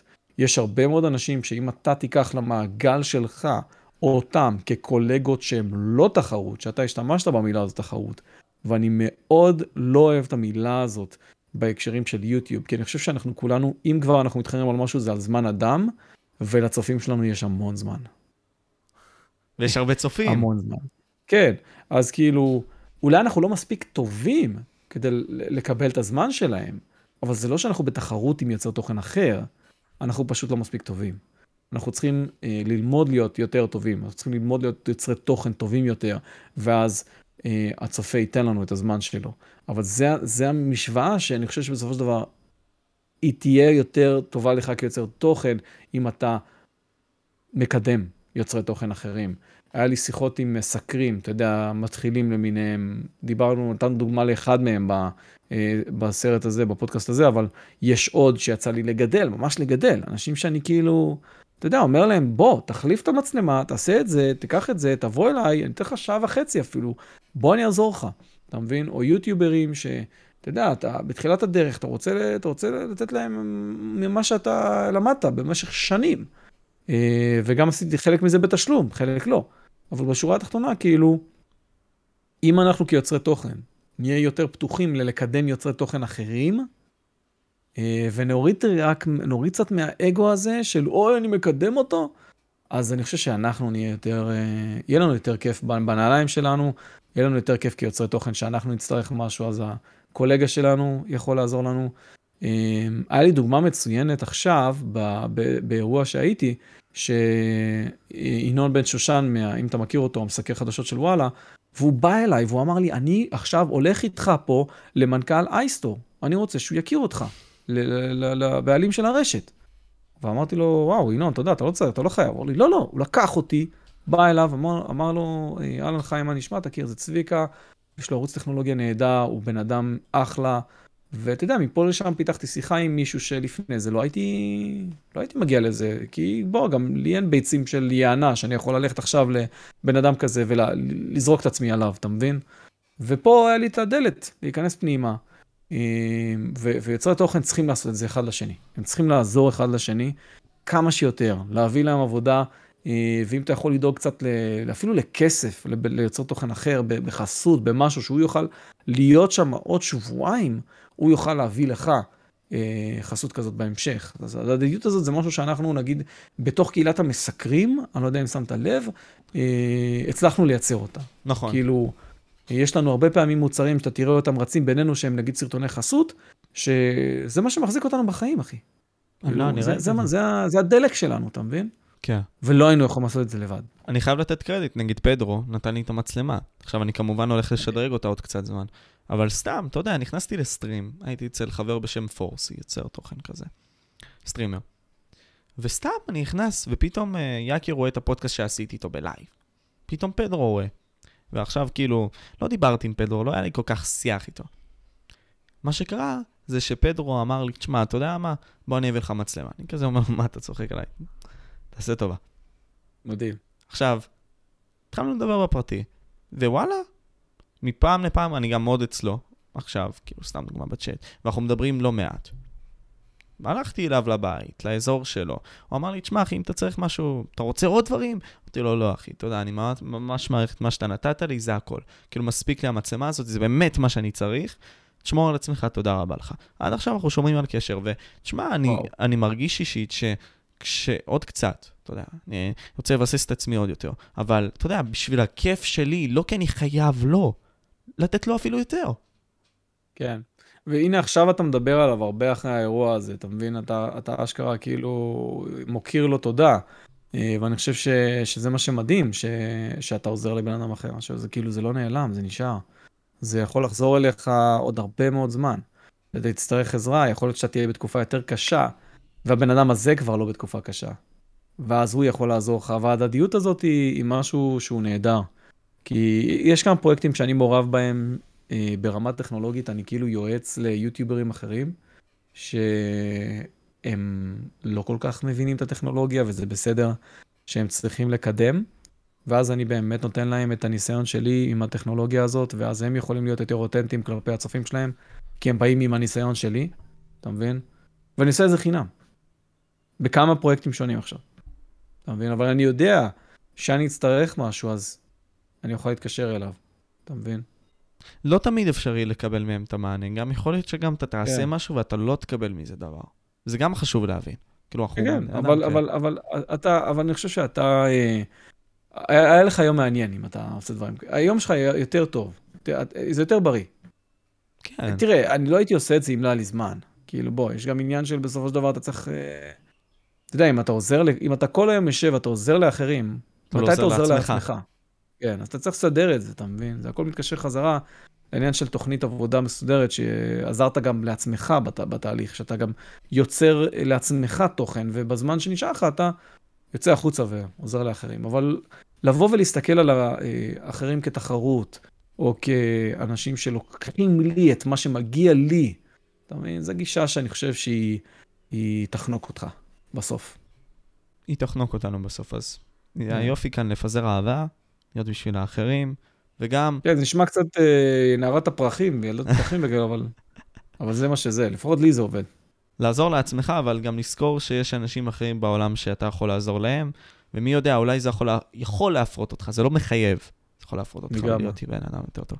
תשמע, קודם כל אתה עזרת לי בשיח הזה, אה, קודם כל להגיע לאנשים, למקומות אחרים, כל בן אדם בסופו של יום, אבל מרגיש, אתה יודע, גם הש, השאיפה שלי זה להגיע לכמות זמן הזאת. זה הרבה, אבל נכון, אתה ריגשת נראה לי גם, שאחרי שעה וחצי או שעה, השיח יותר, יותר עמוק, או כן. יותר נעשה אמיתי. לגמרי. כמובן, לא לכולם יש את הזמן. ואני חייב להחמיא לך, כי אתה יודע, אני, אני בעצמי, יש לי אותך בפלייליסטים של הפודקאסטים, ואני שומע, ויש לי עוד פודקאסטים שהם ב-Watch Later, כאילו עוד לא הגעתי אליהם, שהם נהדרים, כי אתה באמת לקחת את עולם היוצרי תוכן לאחרונה, אה, ונכנסת מאוד עמוק שם, שאלות מאוד טובות, שאתה שואל אנשים, שבסופו של דבר, אתה יודע, אני לקחתי את זה ושיניתי אצלי הרגלים, כתוצאה מלהאזין לפודקאסט שלך, שאני חושב שהרבה אנשים באמת יכולים להרוויח, הם צריכים להסתכל רגע על הסרטים שלך, ויש לך כל כך הרבה סרטים כבר עכשיו, למרות שאתה בתחילת הדרך יחסית, ו... ואפשר לקחת מהפודקאסטים שעשית אה, המון ערך מכל, מכל סוג שהוא, זאת אומרת, יוצרי תוכן יש לך בשפע, יש לך את אה, רועי יוזביץ' שדיברת איתו. כן, שהוא מכיר אותך חבר אחד. מהעולם של הלימודים, כן, וכאילו, יש לך, יש לי אפילו סרט עם רועי יוזביץ' של רחפנים, אגב, שעשיתי איתו. אבל אה, אתה יודע, כל, כל העולם הזה של, שאתה נכנסת אליו, של הפודקאסטים שהם אה, מזקקים את האסנס של הצד השני שאתה מדבר איתו, זה משהו נהדר. וזה, כל כך היה צריך את זה בארץ, ואתה עושה את זה מצוין. אני מקווה להמשיך לעשות את זה. אני חייב גם להודות לך על התוכן שאתה עושה, אתה יודע, כבר מלא מאוד זמן. גם כשהייתי יותר, יוצר תוכן צעיר יותר, גם בלי קשר, רואה את יוטיוב, אתה תמיד היית שם, ותמיד. מ-2016-2017 כזה, אבל ראיתי אותך יותר כזה, טיפה אחרי. התוכן שלך תמיד היה שם, אתה יודע, זה, זה גם חשוב, ההצמדה הזאת, שאין אצל הרבה מאוד יוצרי תוכן, אני יכול להגיד מעטים. יש לך אלף ו... רק בקופטר נראה לי, אלף ומשהו. עכשיו כן. דיברסיפיי. אתה היית שם, וההתמדה הזאת היא מאוד חשובה, ואתה יודע, הקול שלך הוא עדיין תמיד פה כזה. כשצריך אה, איזושהי סקירה לגבי משהו ספציפי, תמיד יש אותך, ואני חייב להמליץ על הערוץ שלך גם בלי קשר לינקים בתיאור לכל מה שקשור ל CopterDeal, ל GamerDeal, ל RouterDeal, כל הדברים האלה. ננסה להגיע לכמה שיותר אנשים, אתה יודע, זה יכול לעזור, למה לא? Uh, that's it, basically. תודה, אחי. מקווים שעזרנו להרבה מאוד אנשים. יש לך מסר אחרון שאתה רוצה אולי להגיד? מילה אחרונה? תודה לכם שאתם פה, ותנו למשה לייק, ותמשיכו להגיע לפודקאסטים שלו. זה מה שחשוב, הוא עושה פודקאסט, פודקאסטים נהדרים. תודה רבה. תשמע, אחי, תודה רבה, צביקה, על הזמן שלך גם. הייתי פה, משה, WeTalk Podcast, וזה היה צביקה מערוץ CopterDeal, GamerDeal, RouterDeal, כל השמות האלה, בכללי יהיו למטה, ופשוט תיכנסו, למה לא? ביי. ביי ביי. יאללה.